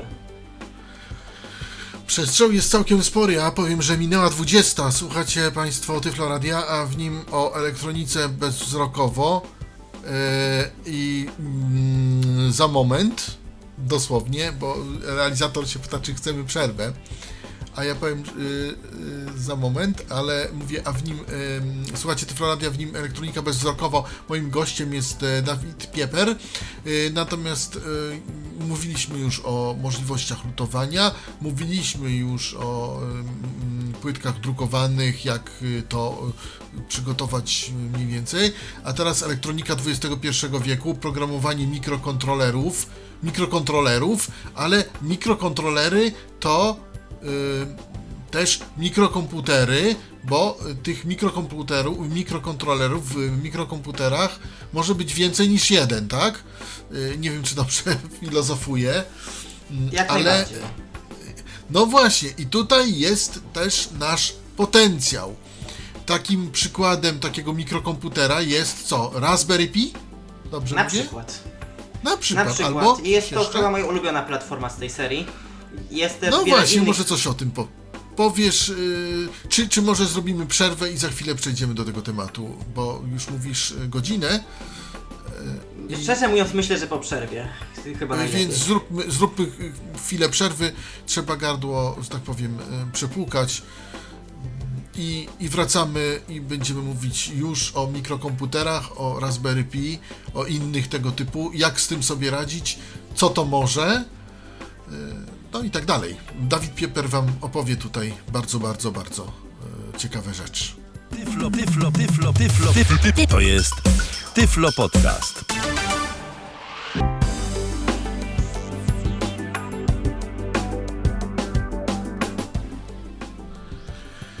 No i kolejny, y, mamy tutaj kolejną część audycji, słuchajcie Tyflo Radia, to jest Tyflo Podcast, y, moim gościem jest Dawid Pieper, ja się nazywam Robert Łabęcki, za konsoletą Patryk Waliczewski, ale y, powinienem powiedzieć odwrotnie, mm, za konsoletą Patryk, a ja tutaj y, czynię honory troszkę gospodarza. W tej chwili jest 10 minut po 20. Rozmawiamy już, przeszliśmy z mikrokontrolerów na mikrokomputery, których przykładem jest Raspberry Pi, ale też są inne komputery, y, Dawidzie, mm, mikrokomputery tak zwane. I powiedz mi, mm, dlaczego tutaj jest taki potencjał dla niewidomych, o co w tym wszystkim chodzi? E, To, bo tutaj powiem szczerze, y, ja wiem, że jest coś takiego jak Raspberry Pi, ale nie wiem w sumie co to jest tak naprawdę. Ja tylko wiem, że jest coś takiego i nawet nie wiem jak to wygląda. W tej chwili obok mnie przykładowo leży komputer Raspberry Pi 3. Jest to komputerek, który jest rozmiarowo, żebym opisał, jak go przykładam do iPhone'a, y, iPhone'a SE. Jak kładę go na iPhone'ie SE, w tej chwili położyłem, to powiem, że jest mniejszy od tego telefonu, nie zajmuje całego ekranu. Ma 8 na 5 cm, no troszkę więcej, 8 coś na 5 coś. Więc to jest bardzo malutki. Obok mam też Raspberry Pi 0, który y, ma rozmiar taki, że ja go zamykam w dłoni. Dlaczego o tym mówię? Bo właśnie stąd bierze się nazwa mikrokomputer. Są to bardzo małe, a jednocześnie bardzo wydajne jednostki, które służą już do zasilania naprawdę poważnych projektów, a nie zabaweczek jak, nie wiem, kalkulator. Komputer, który w tej chwili omawiam, to jest oczywiście Raspberry Pi. Są też inne. Jeden z najlepszych komputerów, mikrokomputerów, jakich miałem okazję pracować, to był Intel Yawl. Jest to komputer, który naprawdę ma moc obliczeniową 2,6 GHz, który śmiga podobnie do, do y, przeciętnego komputera stacjonarnego. A rozmiarowo wypada mniej więcej jak Raspberry Pi, ale za tym komputerem ciągną koszty, jest mało popularny. Ja chciałbym się skupić na tych Kosztuje? jednak tańszych. Jaul kosztuje około 1800 zł i my go używamy w naszej rakiecie. Raspberry Pi to jest komputer, ten w wersji 3 to jest około 250 zł. Jest to dużo, ale jest to do przeżycia i służy do różnych właśnie instalacji elektronicznych. E, Jest to... Ja powiem Raspberry Pi 3, tak, Raspberry Pi 3, ale jest e, więcej niż 3. Jak to tak, jaki jest w tej chwili największy? 3 to jest w tej chwili największy. Ja pracu- pra- miałem okazję pracować i na dwójeczce, i na jedyneczce, i na zerze. I każdy z nich działa bardzo dobrze. Raspberry Pi 3, gdyby kogoś interesowało, to jest procesor 1,2 GHz, a z autopsji mówię, że spokojnie go podtaktujecie tak zwanym overclock do 1,5 GHz i nic mu się nie stanie, jeśli tylko się przyklei radiator. Y, Radiator to jest taki układ chłodzący, który nie wymaga prądu, wykorzystuje po prostu powietrze, odpowiedni kształt metalu i odpowiedni metal. I taki komputerek będzie spokojnie i stabilnie pracować na 1,5 GHz. Ten komputer jest wyposażony w 1 GB pamięci RAM i jako dysk wykorzystuje kartę microSD. Są też wersje Raspberry Pi, które jako dysk wykorzystują budowaną pamięć flash. Jest to wersja, jak ona się nazywała? Teraz mi wyleciało z głowy, ale pewnie sobie przypomnę, to powiem. W każdym razie y, CM, Raspberry Pi CM3 i to jest to samo co komputer, który ja tutaj mogę trzymać w ręce. Tym się różni tylko, że nie ma karty microSD, a wbudowaną sobie pamięć o pojemności 4 GB. Są to komputerki bardzo małych rozmiarów, które mają już wlutowane całe płytki. To, o czym mówiliśmy wcześniej, tranzystory, mikrokontrolery. Tutaj znajduje się mikrokontroler ARM Cortex A53. Dodatkowo kilka mikrokontrolerów do sterowania poszczególnymi rzeczami jak grafika, jest integrowany układ graficzny. Mało wydajny, ale zawsze coś. Spokojnie na tym śmigają nawet najbardziej podsta- yy, nawet bardziej podstawowe gry. Sprawdzałem z ciekawości z bratem. Jest tutaj y, seria wyprowadzeń pinów, na które możemy podawać napięcie, możemy łączyć się z czujnikami. Są cztery porty USB, jest port do podłączenia y, kabla Ethernet RJ45, jest wyjście na głośniki, słuchawki, wejście na mikrofon, więc jest wszystko, czego potrzeba w zwykłym komputerze. I z takich komputerów możemy składać całkiem rozbudowane Grafika jest, jest karta graficzna, jest wyjście HDMI lub A, no właśnie, tych nowszych mikro HDMI. Jest też jakieś jeszcze wyjście na grafikę, którego nawet nie rozpoznaję, szczerze mówiąc. Aha. Więc można. Y, Ja się zapytałem, ponieważ kolega tutaj, y, który też się udziela w Tyflo Podcastach, wspominał o jakimś komputerze, y, który jest sprzedawany za 350 zł z systemem Windows na pokładzie i który ma y, 30 giga wbudow... y, 4 giga na dysku jakby wbudowanym i 30 giga RAMu. Nie wiem, znasz coś takiego? Nie wiem, co to jest? W- 30 GB RAMu chyba odwrotnie, 30 GB dysku i 4 GB RAMu. O, może i tak, tak, tak, tak, tak. Jest kilka takich komputerów w podobnej cenie. Ja na przykład pracowałem na Asusowskim, jednakże jedną rzecz chcę wyjaśnić. O ile RAM to jest duża przewaga, te komputery mają wydajniejszy procesor. To są komputery, na przykład jest komputer y, Banana Pi, y, który jest podróbką Raspberry'ego. On ma procesor teoretycznie, który rozpędza się do ponad 2 GHz. Ja wrzuciłem takiego banana, rzuciłem Asusa, obydwa procesory w granicach 2 GHz i wrzuciłem tego Raspberry Pi 3, który ma tylko 1,2 GHz i przebił tamte w każdym benchmarku prócz benchmarków związanych z RAM-em, więc procesor to nie wszystko. Optymalizacja też jest ważna. Aha. No ale y, na tym Raspberry Pi y, nie da się chyba zainstalować systemu Windows, prawda? Czy da się? Nie da się, natomiast pytanie brzmi z mojej strony, czy ma to sens. Można próbować. Ja, ja dla testu postawiłem XPK na tym, yy, korzystając z technologii OpenVZ. Jak najbardziej to się udało. Działało to dość wolnie, ale działało. Natomiast pytanie brzmi, czy ma to sens, bo nie to jest celem mikrokomputerów. A no właśnie, bo y, jak z tymi komputerami my, jako, znaczy osoby niewidome mają się, się komunikować, jak mają na tym pracować? Dlatego zadałem to pytanie. Mikrokomputery mają o tyle fajne są, akurat Raspberry Pi. Ja posłużę się, posłużę się tym przykładem. W innych komputerach wygląda to troszkę inaczej, ale bardzo podobnie. Trzeba po prostu się do, dowiedzieć co jest jak, zapoznać się z dokumentacją. Raspberry Pi ma całkiem fajne funkcje przygotowane już pod kątem niewidomych. Możemy podczas stawiania systemu, a stawiamy system z dowolnego innego komputera systemem Linux, więc mamy komputer zwykły, laptop systemem Linux, nawet Linuxa na wirtualnej maszynie i stawiamy system dla Raspberry Pi. Możemy spokojnie przygotować sobie go tak, żeby połączył się przy starcie z naszą siecią Wi-Fi, Wi-Fi i skonfigurować tak, żeby uruchomił SSH domyślnie. I w tej chwili wystarczy nam tylko połączyć się z nim przez SSH i z dowolnego y, naszego ulubionego klienta, w moim wypadku jest to putty dla Windowsa, programować go, testować, wszystko robić, z użyciem nawet NVDA, które nie oszukujmy się jest bardziej funkcjonalne od Orki i jest to jak najbardziej dostępne. Mamy pełen dostęp do konsoli, y, również można na Raspberry Pi zainstalować Orkę, czyli screen reader dla Linuxa, jak najbardziej mi się to udało. Jednakże po prostu dla mnie wygodniej jest pracować z mojego laptopa, na którym mam pliki otwarte, na którym mam jednak program, który bardziej cenię od systemowego screen readera Linuxa. I w ten sposób spokojnie można programować. Aha, na tej zasadzie. Ale y, czy samo Raspberry Pi może nam mówić? Może, przy czym trzeba zainstalować na nim orkę. Trzeba jest wykonać tak zwany chroot, yy, chroot do yy, systemu, czyli podłączyć się pod ten system z naszego i zainstalować odpowiednie pakiety. W tym wypadku będzie to oczywiście instalacja Gnoma i instalacja orki. Y, no, teraz bo, bo, bo Raspberry, o ile, się, o ile wiem, to system Raspbian, tak? Y, y, Generalnie, tak? Jak, jak to jest? Linux a Raspbian, czy to jest to samo, czy to jest podobne? Raspbian to jest jedna z dystrybucji Linuxa. Natomiast on bardzo podobna do Debiana i jak najbardziej ten system ma prawie całą funkcjonalność Debiana. Jest dużo lepiej zoptymalizowany pod ERPI. I to, to trzeba podkreślić, bo jednak jeśli chcemy zostać na Orkę, musimy przejść z Raspbiana na zwykłego Debiana. Ale tracimy troszeczkę z wydajności. Nie mówię, że jest to tragedia. Ja spokojnie na Raspberry Pi nawet przeglądałem y, internet i pisałem maile z Debiana, ale jest zauważalna różnica między optymalizacją Debiana a optymalizacją Raspbiana. Więc je, jeśli decydujemy się na taki krok, to z góry ostrzegam, na pewno nie będzie to już tak szybko działało, jak działało. Natomiast nadal jest to szybkość porównywalna z takim przeciętnym komputerem biurowym, który dostaniemy za jakieś 1500 zł.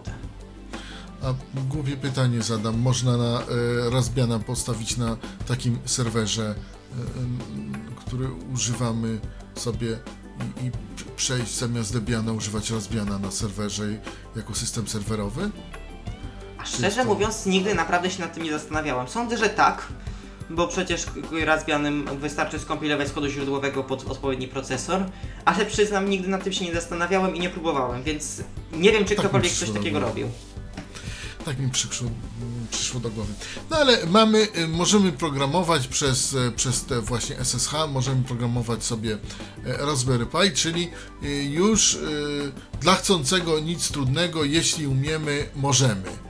Y, Powiedziałeś, że można to przez puty, przez e, się połączyć przez SSH tu z Twoim komputerem i wszystko możemy stestować na e, tym mikrokomputerze. Znaczy wszystko, no dużo na mikrokomputerze, więc to powiedzmy, że mamy jakoś, mm, e, e, że tak powiem, omówione, że działa, że działa i że można jakoś. Bo to, e, troszkę trzeba, prawda, ale, ale mm, Linux, Windows tu jakoś, jakoś to pójdzie.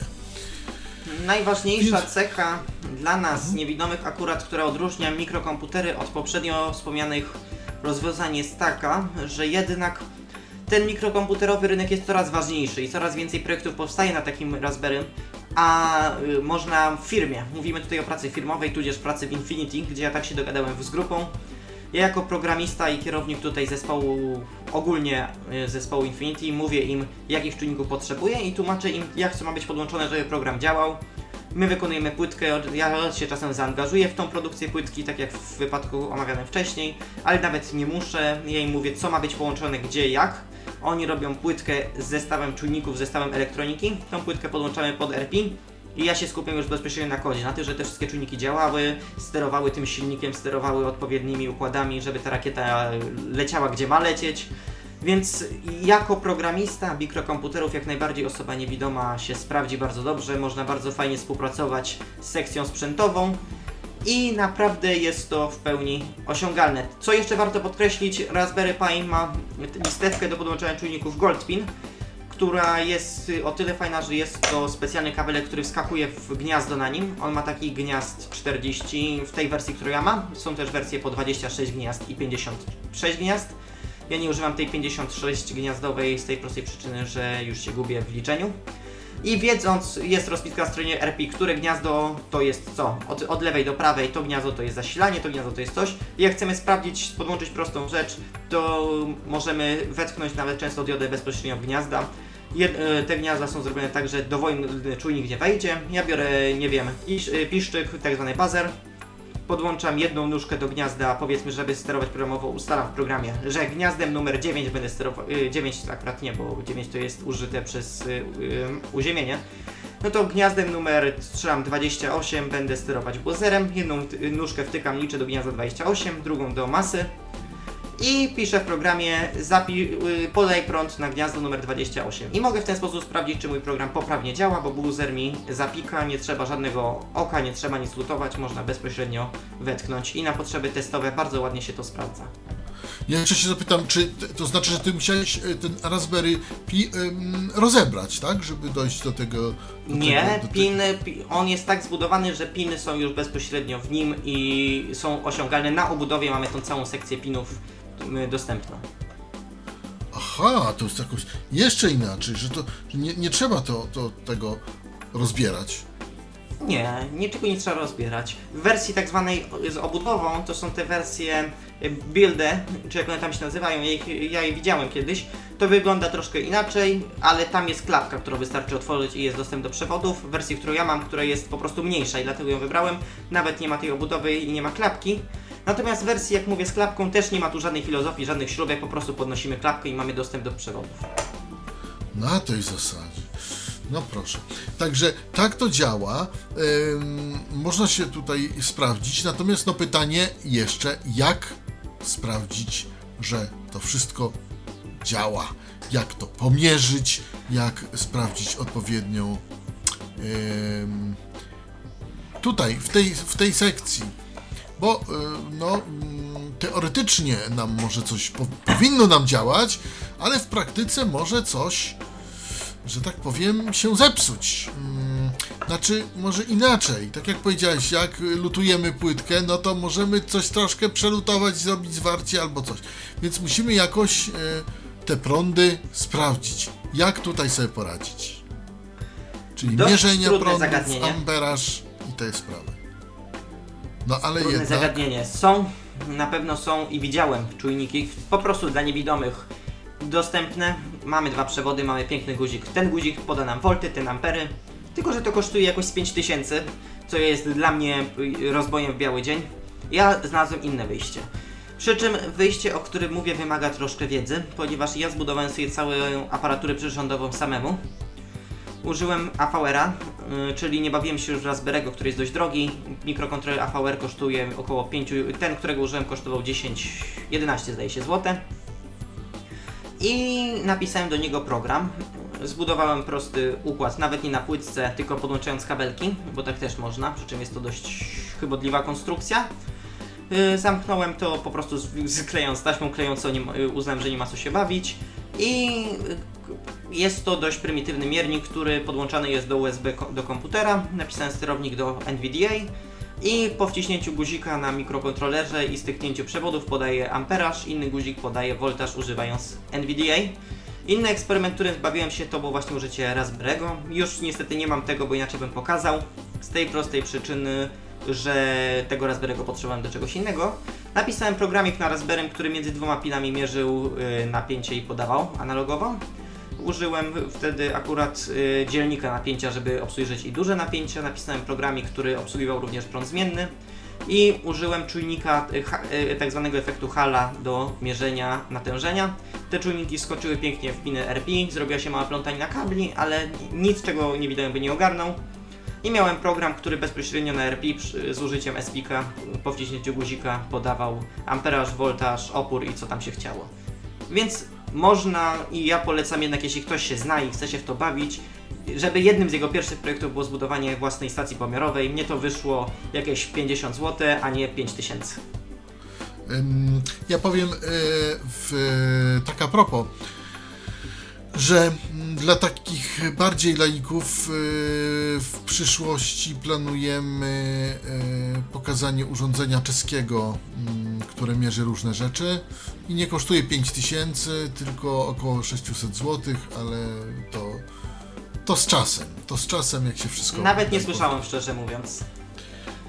no to tak, jest takie urządzenie. Ja też niedawno o nim usłyszałem. E, Różne, ma różne sądy i można, można mierzyć ciśnienie w oponach i, i właśnie woltaż różny i opór i co tam, co tam. No, to jak to woli. Natomiast jak ktoś jest zwolennikiem oszczędzania i jednocześnie nauki, to jednak może też robić to, o czym mówiłem. Bawić się w budowę i o czym trzeba pamiętać, jeśli ktoś zdecyduje się na rozwiązanie, które proponuję, bo jest to oczywiście rozwiązanie tańsze, ale trzeba pamiętać o tym drobiazgu, żeby sprawdzić najlepiej na spra- y, pewnych rzeczach, czy wszystko działa, ponieważ wiadomo, błędy się zdarzają zarówno w programie, jak i w konstrukcji. Ja swego czasu miałem tutaj taki problem, że okazało się, że moje urządzenie wysypało się przy prądzie przemiennym i usilnie informowało mnie, że w gniazdku płynie prąd 8 milionów 400 tysięcy voltów, więc sprawdzić trzeba. No tak, to jest bardzo, e, bardzo ciekawe. Natomiast powiem, nie każdy się zna na e, Wiadomo. e, to tak skomplikowane. Ja już bym tego nie zrobił, mówię od razu, więc chyba dla mnie nie ma jakiejś innej alternatywy, tylko jakieś takie urządzenia chyba droższe, e, albo typowo dla, dla niewidomych, tak mi się wydaje. Chyba, że Natomiast- jeszcze wiesz o czymś, co by warto. Nie wiem, natomiast rzeczą, którą ja mogę jeszcze polecić osobom, które skuszą się na elektronikę, które skuszą się na użycie RP, to jest taka rada ode mnie, a które no, chcą zaoszczędzić i nie płacić y, pieniędzy, informuję, że jak ktoś ma RP i nauczy się naprawdę podstaw programowania, to może sobie kupić termometr, który do RP, czujnik temperatury kosztuje w tej chwili 18 zł. Może kupić sobie barometr, który kosztuje też coś koło tego. Ja mam kupiony na y, własny użytek taki czujnik, y, który ma wiele rzeczy, który mierzy temperaturę, wilgotność, y, ciśnienie, naświetlenie, łącznie z kolorem padającego światła i kolorem obiektu. To mnie kosztowało w granicach 60 zł. Jest to zwykły czujnik dla widzących, napisałem do tego program i w tej chwili RP mi działa za mnóstwo urządzeń, które też trochę kosztują. Nie wymagało to ode mnie wysiłku programistycznego, bo jest cała biblioteka opisana. Trochę wymagało to ode mnie połączenie wszystkiego i 20 minut programowania i w tej chwili mam termometro, barometro, magnetometro, absolutnie wszystko co mi przyszło do głowy. Więc jak najbardziej też takie możliwości się otwierają i jak najbardziej można troszkę zaoszczędzić, jak ktoś nie chce płacić firmom, które produkują to za kosmiczne pieniądze, jakby nie patrzeć. A jak to mówi czym? Ja użyłem Espika. Jak najbardziej, o czym warto wspomnieć, Raspbian ma wbudowanego Espika. A, czyli y, to już może mówić samo jakby z siebie. Y, Tak. Czyli, czyli nie trzeba na przykład podłączać tego do laptopa jeszcze dodatkowo, do czegoś Nie. tam innego. Aha. To jest jednak Raspberry Pi, który ma własny procesor i jakby nie patrzeć samo w sobie jest już komputerem, więc ja podłączam do tego albo słuchawki bo przez wejście jack, albo po prostu z, podłączyłam je z głośniczkiem takim małym. I działa. Aha, no ale zasilać jeszcze trzeba co, to czymś. Tak, a ja używam do zasilania zwykłego powerbanka. A, y, przez y, USB, no tak, na to, na to nie wpadłem. Rzeczywiście. I, I to jest metoda i rzeczywiście można tanim kosztem y, mieć różne takie mierniki. No ale trzeba, jak, jak, po, jak powiedziałem, trzeba się na tym znać.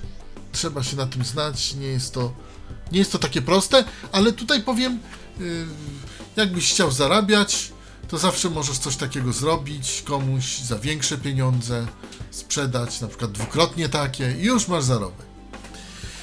Ktoś tylko włącza i go tam mało obchodzi.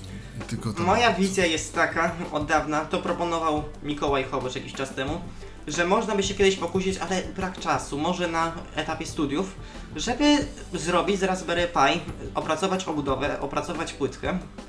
I może ktoś się skusi też o pogłębienie się w tej dziedzinie, zrobić notatnik y, brailleowski, zintegrować to z jakąś linijeczką, albo nawet, y, nawet pokusić się na notatnik bez braille'a, po prostu głosem. Jestem pewien, że można by zrobić notatnik brailleowski z mojego przeliczenia za 600-700 zł, który przebije mocą obliczenią wszystkie braille sensy i co jest na rynku.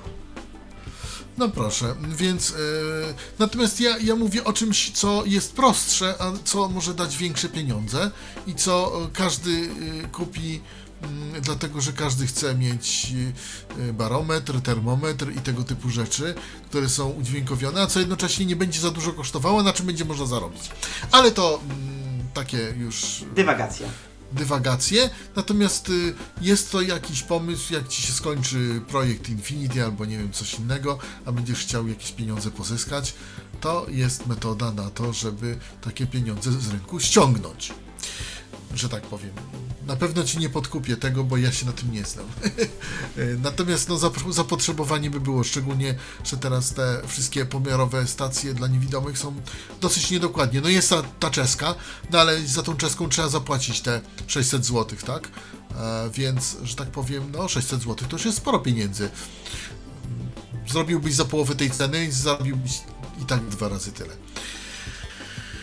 Y, No ale to już y, dywagacje. Mm, Także y, można to sprawdzić. Y, No i teraz y, przed podsumowaniem naszym jeszcze y, bym Cię poprosił o te modele różnych Twoich y, urządzeń, y, które używasz. Rozmawialiśmy tutaj o stacji lutowniczej, którą warto, którą, który, której używasz i które, którą warto polecić. Rozmawialiśmy o programatorze, o podstawce programującej, o, o, o tych różnych takich urządzeniach, na które warto zwrócić uwagę, żeby po prostu nie kupować byle czego, tak? Bo mm, możemy coś kupić i się okaże nawet, że no to nie bardzo, bo to coś tam albo coś tam.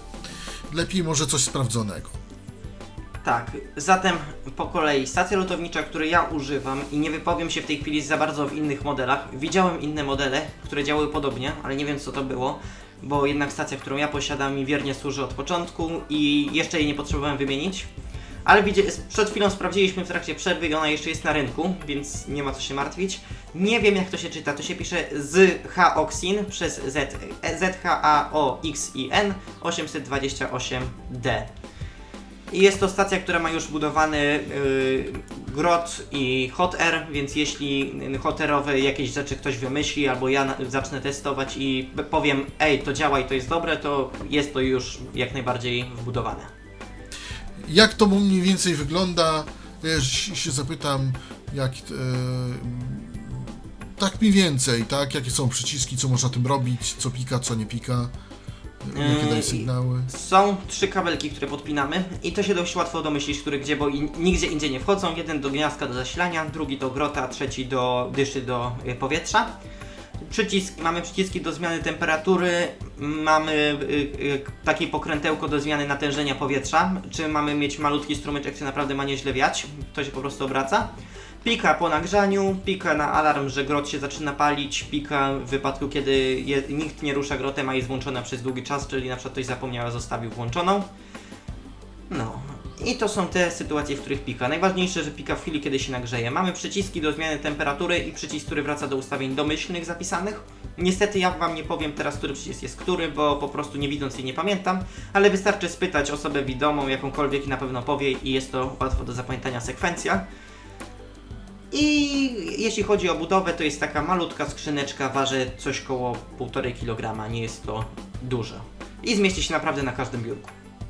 Rozumiem. Y, Także mamy ten przycisk w- powrotu do ustawień fabrycznych i mówi, że wtedy, kiedy u- mamy powrót do ustawień fabrycznych, to wtedy jakby wszystko oprogramujemy od początku i wiemy od, od jakiego miejsca żeśmy wyszli. Zaczęli. Tak, tak, tak. Zaczęli. Tak, drugi sposób jest taki po prostu, bo ja wiem, że są modele, które nie mają tego przycisku, to jest ta starsza, y, starsza albo nowszy rzut, po prostu przytrzymać minus, najlepiej, ona dość szybko przeskakuje, przytrzymać ten minus z 10 sekund i wiemy, że jesteśmy na najmniejszej możliwej temperaturze i dodajemy ile chcemy.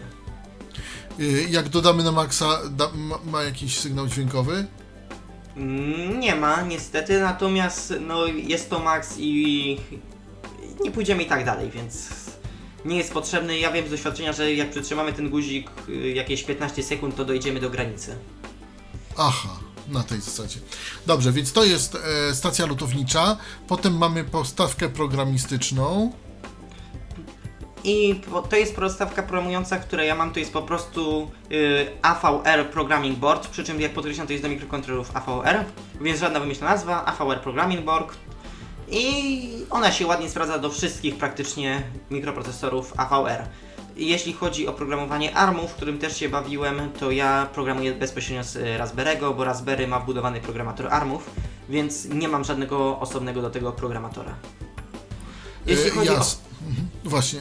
Po, jeśli chodzi o programator, bo podstawka, w której mój nie ma wbudowanego programatora, ja używam podstawki MKII Pro 2.0, przy czym jest to programator, który kosztuje, jak sprawdzałem teraz, około 60-70 zł.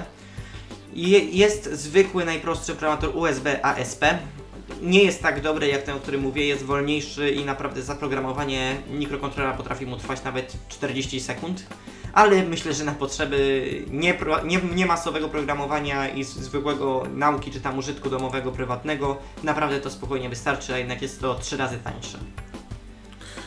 e, czyli są tańsze, są droższe. Ty używasz, to, e, ty używasz tego MKI Pro 2000, tak? Czy 20? 2.0, 2.0, 2.0. 2.0. MKI Pro 2.0.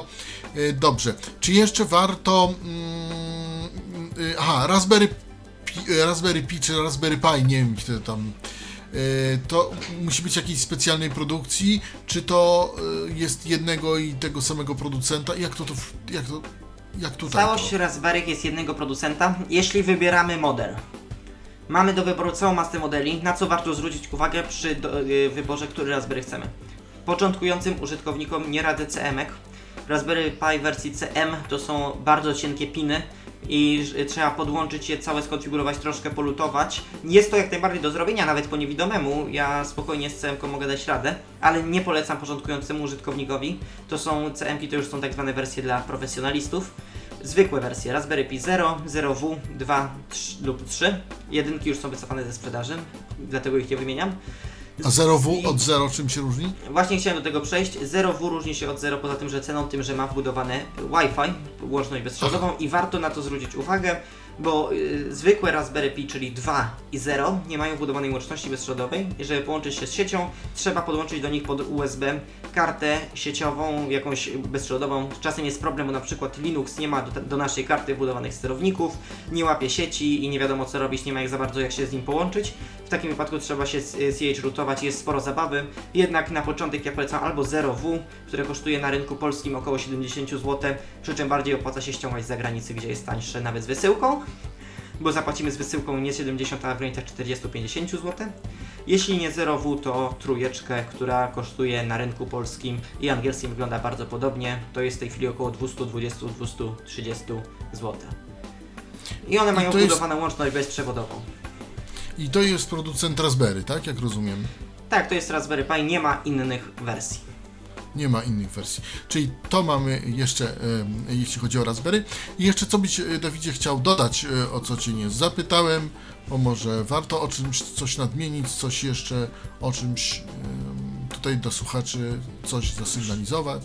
Przede wszystkim kilka podstawowych uwag. Jeśli zabierzecie się za y, prąd, kilka uwag, które, błędów, które ja popełniałem, bo to jest często tak, że dla widzących to jest oczywiste, bo na przykład na wszystkich filmach, zdjęciach i tak dalej widzą tego nie rób. Jest to tak oczywiste, że tego nie piszą, a jednak jest to często dość ważne. Najważniejszy błąd, jaki y, można popełnić, akurat bawiąc się w tym wypadku mikro y, y, kontrolerami, włożyć niewłaściwą stronę. Na płytce jest zarys strzałeczki wypukły, tej, której, o której mówię, i na mikrokontrolerze jest zarys wypukłej strzałeczki.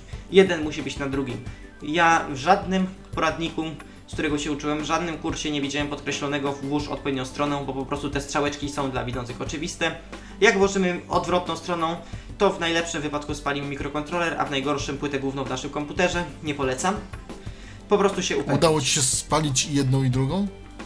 Y, Jedno i y, drugie? Udało mi się spalić mikrokontroler, udało mi się spalić programator. Na szczęście komputer, na który programowałem, miał USB filtrowane i nic się mu nie stało. Ale programator le leciał do wymiany. No tak.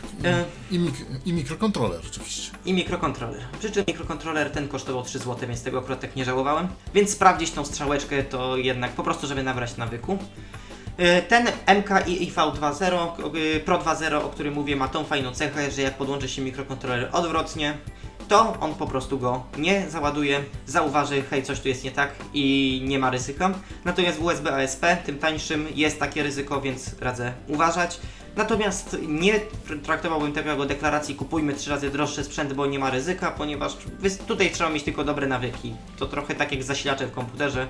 Też go można wpiąć odwrotnie, też nie ma zabezpieczenia, a jakoś nikt nie kupuje 5 razy droższych zasilaczy. Druga uwaga z mojej strony dla osób, które akurat skupią się na Raspberry Pi jest taka, żeby podczas zabawy z tymi komputerami uważać na dotykanie pinów. One są wypukłe i niby tam nie ma dużych ładunków, ale jak na przykład rękę mamy naelektryzowaną i dotkniemy tych pinów, więc warto zanim go podłączymy zobaczyć gdzie są te piny. No, je bardzo łatwo wyczuć. Dotknięcie ich spowoduje spalenie e, komputera. Ja mówię tutaj niestety z doświadczenia bardzo przykrego. Chciałem sprawdzić, czy Raspberry leży ładnie na biurku, mia- naelektryzowałem sobie rękę, strzeliło i komputer to była dwójeczka, Raspberry Pi 2, poleciał i już do niczego się nie nadawał. I ostatnia z takich Takim ważnych- małym prądem? Takim małym prądem, ponieważ to są mikrokontrolery, które są strasznie wyczuwolone na małe napięcia. Raspberry Pi pracuje na napięciu 3,3 V jego procesor, więc 3,3 V to jest tak mały zakres błędu, że go można spalić zwykłą baterią. No tak, ale ciekawe ile tam amperu. Ampera. E, 0W 0,2 A, trójeczka 0,7 A. To malutko.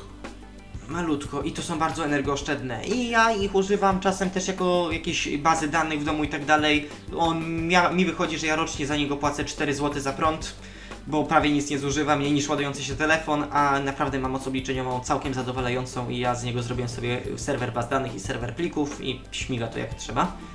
Trzecia uwaga z mojej strony, dość ważna, jest taka, że 0W. Ja się przestraszyłem, myślałem, że go spaliłem.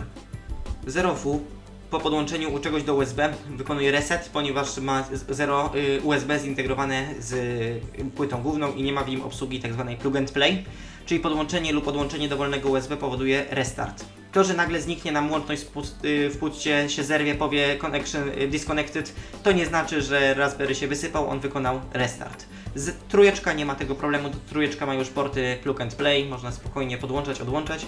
0 i 0W podłączenie oznacza restart i nie jest to nic groźnego. Czy jeszcze coś y, można dodać y, Mm. ogólnie do lutowania, Zna- do w ogóle do takiej elektroniki? Znając życie, o czymś zapomniałem, ale nie mam pojęcia o czym. No, Myślę, że wszystko co najważniejsze zostało powiedziane. Bo nikt nie dzwoni, więc chyba nikt nie ma pytań. No właśnie też jakoś tak e, nie, ma, nie ma telefonów.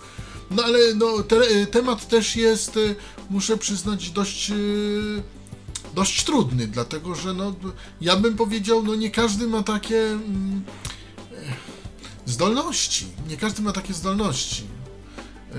To nie są już takie proste rzeczy.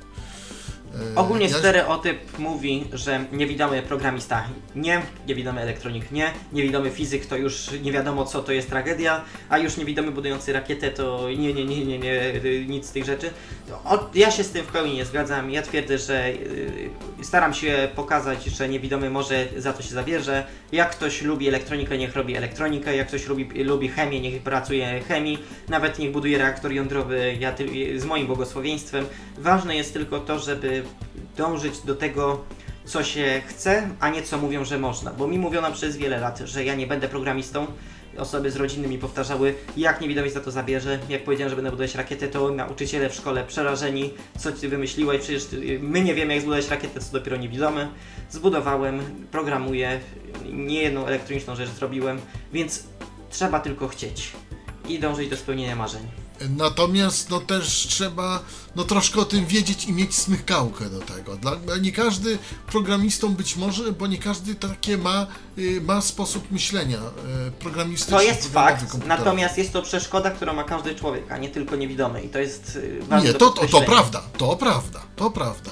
Nie każdy, y, nie każdy programistą być może po prostu z takich, a nie innych uwarunkowań. Po prostu tak już, tak już zostaliśmy, tak jak nie każdy może być muzykiem, nie każdy może, nie wiem, być y, pilotem. Nawet widzący, tak? Nawet widzący nie każdy może samochodem jeździć, bo, bo niektórzy są tacy, którzy dobrze widzą, a nie mogą samochodem jeździć, bo, bo nie mają takiej czy innej koordynacji. Wiem nie o czym ważnym, końca, ale wiem o czym ważnym zapomniałem powiedzieć. o właśnie. Jeśli, jeśli skusicie się jeszcze na dowolny mikrokontroler, dowolny mikrokomputer i cokolwiek chcecie do tego podłączyć, upewnijcie się co do tego napięcia, ponieważ nawet y, mikrokomputery i mikrokontrolery z tej samej serii mogą mieć różną tolerancję napięć. Nawet Raspberry Pi 3 i 2 się troszeczkę różnią tolerancją napięć i może się okazać, że do, podłączycie do y, 5 V do czegoś, co obsługuje 3 V i może wylecieć Wam w powietrze cała instalacja, oczywiście przenośni, a nie warto. Ja osobiście tego błędu nie popełniłem, na szczęście nigdy, natomiast wiem, że może się to zdarzyć z słów nawet osób widzących i warto się upewnić, tym bardziej, że często się yy, piszą producenci, to urządzenie jest zgodne z Raspberry Pi. A nie wpadną na to, że są różne Raspberry Pi, nie musi być zgodne z każdym, więc należy po prostu sprawdzić ten, te napięcie, z którym to pracuje. Każdy Raspberry Pi obsługuje napięcie 5V yy, zasilania i napięcie 3,3 V przesyłania danych. Jeżeli traficie na czujnik, który ma 5 V przesyłania danych, a nie 3,3 to taki się nie nada do Raspberry'ego, przynajmniej do prawie żadnego Raspberry'ego. Może się nadać przy Raspberry w wersji CM, natomiast jeśli kupicie zwykłe, proste Raspberry Pi, na przykład 0W, to nie zadziała. Natomiast jeszcze jedno mi przyszło już. e, Mówiłeś, że zasilasz swojego e, Raspberry z powerbanka. Moje pytanie Akurat jest takie. w tym wypadku tak. Moje pytanie jest takie, ile czasu działa Raspberry Pi na powerbanku? To jest bardzo ciekawe pytanie, ale trudno, naprawdę trudno nie odpowiedzieć, bo zależy od użytkowania. Jeśli ja tylko włączę na nim system, ja mam powerbank akurat, który ma 11 tysięcy mAh, więc jeśli włączę na Raspberry Pi tylko system, już nawet sprawdzę, żeby nie powiedzieć źle, bo ja tutaj mam zapisane.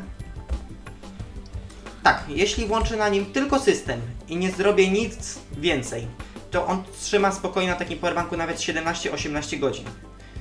Jeżeli jednak zacznę na nim pracować, czas pracy yy, zacznę, nie wiem, yy, postawię na nim serwer baz danych, który łączy się z internetem, pozostawię go pod Wi-Fi i tak dalej, to czas pracy spada do około 13-14 godzin. I jeszcze ciekawsza rzecz jest Raspberry Pi Zero, ale był to najbardziej energooszczędny ze wszystkich Raspberry'ch.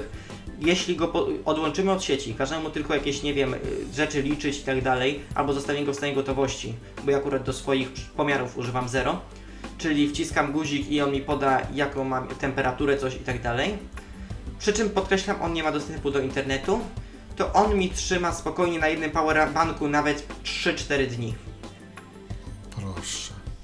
Nie, pomyślałem sobie, y, bo myślałem, że skoro te Raspberry są tak mało, są tak y, energooszczędne, myślałem, że y, na powerbanku 11 tysięcy, no taki Raspberry przy pracy, no podziała z tydzień czasu. Teoretycznie powinien, teoretycznie powinien, ale cały problem jest w tym, że układ Raspberry Pi pracuje na 3V, powerbank dostarcza ponad 5V, więc po prostu dużo energii się marnuje. Natomiast inna ciekawa opcja to są tak zwane ogniwa Lipol. Można dostać, tylko to nie jest najtańsza zabawka, ładowa- y, prze- y, przejściówki z Lipola na Raspberry. I taki Lipol, który ma nawet 6-7 tysięcy mAh, podtrzyma Raspberry'ego spokojnie 4-5 dni. I ja też coś takiego testowałem i to ładnie działa, ponieważ te lipole dzięki tym przejściówkom są bardziej zgodne napięciowo z RP. Ogniwa litowo-polimerowe, także to Tak. tak, nazwę. E, Używane czasami do telefonów komórkowych, czasami e, generalnie się używa litowo-jonowych, nie wiem dlaczego. E, Ponoć te litowo-polimerowe są lżejsze i, i chyba lepsze, ale bardziej Tak. się używa litowo-jonowych, nie Ale- wiem, nie znam się chyba na tym. Litowo-jonowe są po prostu dużo, dużo tańsze. Aha. No ale mówi, mówimy o litowo-polimerowych. A, czyli mówisz, że tutaj się marnuje napięcie w przypadku e, zasilania Raspberry z Powerbank. E, No, to jest, jest ciekawe, jest ciekawe, e, no bo myślałem po prostu, że taki Raspberry może być jakąś taką alternatywą do pewnych, pewnych czynności. Na pewno duży potencjał Raspberry, jeśli ktoś już myśli o używaniu go w życiu codziennym, bardzo duży potencjał Raspberry jest taki, że on bardzo szybko potrafi wystartować. Trójeczka wystartuje w 7 sekund. Więc możemy sobie nawet wziąć taki mały powerbanczek, jak ja kiedyś dostałem z Polskiego Związku Niewidomych w ramach jakiejś akcji. On ma 2200 mAh, jest naprawdę maluteńki. Dosłownie go mieszczę w ręce. Podłączamy taki i robimy Raspberry Pi, żeby guziczek włączał go. Podłączamy guziczek do pinów uruchamiających RP. Można coś takiego zrobić. I w tej chwili RP się wyłącza, yy, włączamy go w 7 sekund, jest gotowy, sprawdzamy temperaturę i może na go wyłączyć. Sprawdzenie temperatury, czy tam yy, nawet jak potrzebujemy kilka razy, niech on będzie włączony 15 minut. To jest 15 minut z 12 godzin czasu pracy, jaki on ma i spokojnie na takim powerbanku będzie trwać te kilka tygodni, bo po co on ma być przez cały czas włączony? No tak, ale jak zrobić jeszcze, żeby ten y, przycisk był mm, do sprawdzania temperatury? Trzeba podłączyć przycisk i napisać odpowiedni program. RP y, są takie przyciski, które po prostu trzeba podłączyć do odpowiednich pinów. To są druciki, które trzeba włożyć w odpowiednim miejscu i najlepiej przykleić taśmą klejącą i po prostu napisać do tego, no niestety, program. To trzeba trochę się pobawić kodem.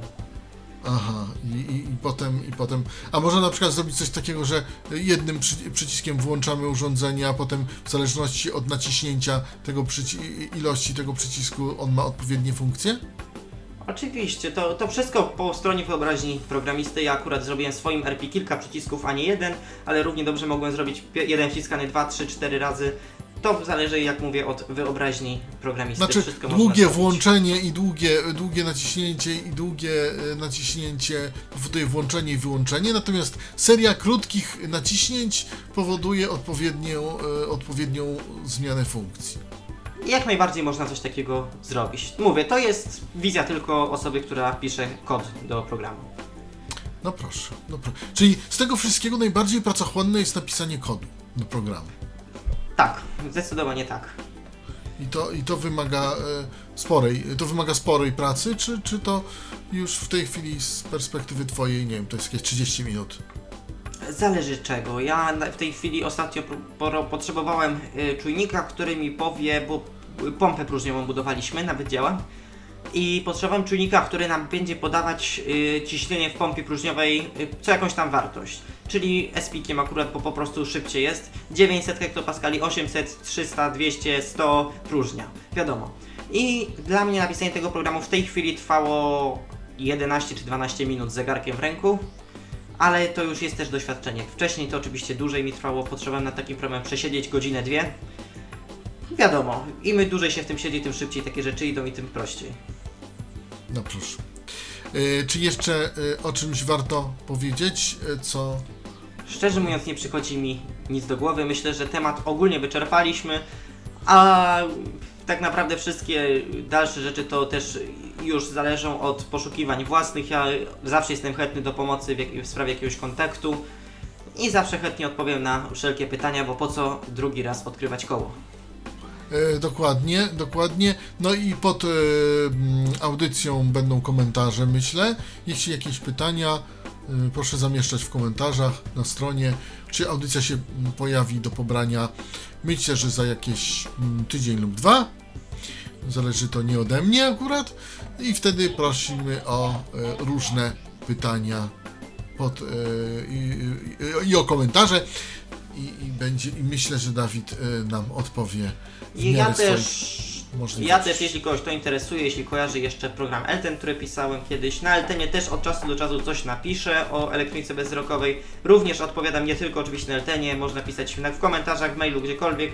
Ja od czasu do czasu, jak mówię, coś napiszę od siebie, więc przede wszystkim najważniejsze jest, jeśli ktoś ma do tego smykałkę, jeśli ktoś chce, żeby się nie poddawać, bo droga, którą musi przejść niewidomy jest dużo trudniejsza niż osoba widząca, bo jest mniej dostępnych i tak dalej, ale im więcej osób tą drogę przejdzie, tym lepiej przetrze szlaki dla każdej przyszłej. Więc najważniejsze nie poddawać się. Najważniejsze, tak? A jeszcze się zapytam też, też tak inaczej. Elten, e, to on się jeszcze rozwija, czy to już jest projekt zrobiony i zamknięty? Nie, Elden się rozwija, ostatnia wersja wyszła w tym miesiącu i to jakoś z tydzień czy dwa temu i następna jest planowana na 7 października. Z nowości, akurat wersji, która wyjdzie 7 października, będzie na przykład obsługa maili z poziomu Eltena wys- yy, i maili, lepsza obsługa czytania tekstu do pliku, mam nadzieję troszkę więcej formatów i tego typu zmiany. I różne- oczywiście, I oczywiście w planach nadal jest Elten 3.0, o którym pisałem już gdzieś, który jest planowany na, w dalszej perspektywie. Nie wiem ile to zajmie, może rok, może dwa. Chociaż na pewno przedtem pojawią się wersje testowe, który będzie dostępny na Linuxa i na system Mac. No proszę, no proszę. No to, to, dla, to dla słuchaczy Tyfloradia chyba e, takie, takie wiadomości. Całkiem, całkiem, e, całkiem spoza. Tak, Całkiem spoza, spoza tematu. O elektronice bezwzrokowej. Tak, tak? Chciałeś coś dokończyć? Nie, ja już nie. Już chyba powiedziałem co miałem. O elektronice mm, bezwzrokowo na tyle, na ile jest możliwa. O mikrokomputerach, mikrokontrolerach, troszkę o elektronice XXI wieku, troszkę o tej przyszłości, bo w końcu mikrokomputer to jednak powolna acz przyszłość. Ludzie coraz bardziej się zachwycają właśnie tymi malutkimi pendrive'ikami, na których można system Windows postawić, podłączyć to pod HDMI i ponoć to działa tak jak normalny, prawie jak normalny komputer. Em, Nie wiem, czy to jest akurat e, Raspberry Pi, podejrzewam, że nie. To jest chyba ten Banana, czy jakiś tam inny. Mm, Nie znam się, ale ludzie się tym zachwycają, bo to małe i osz- energooszczędne i w ogóle, i w ogóle.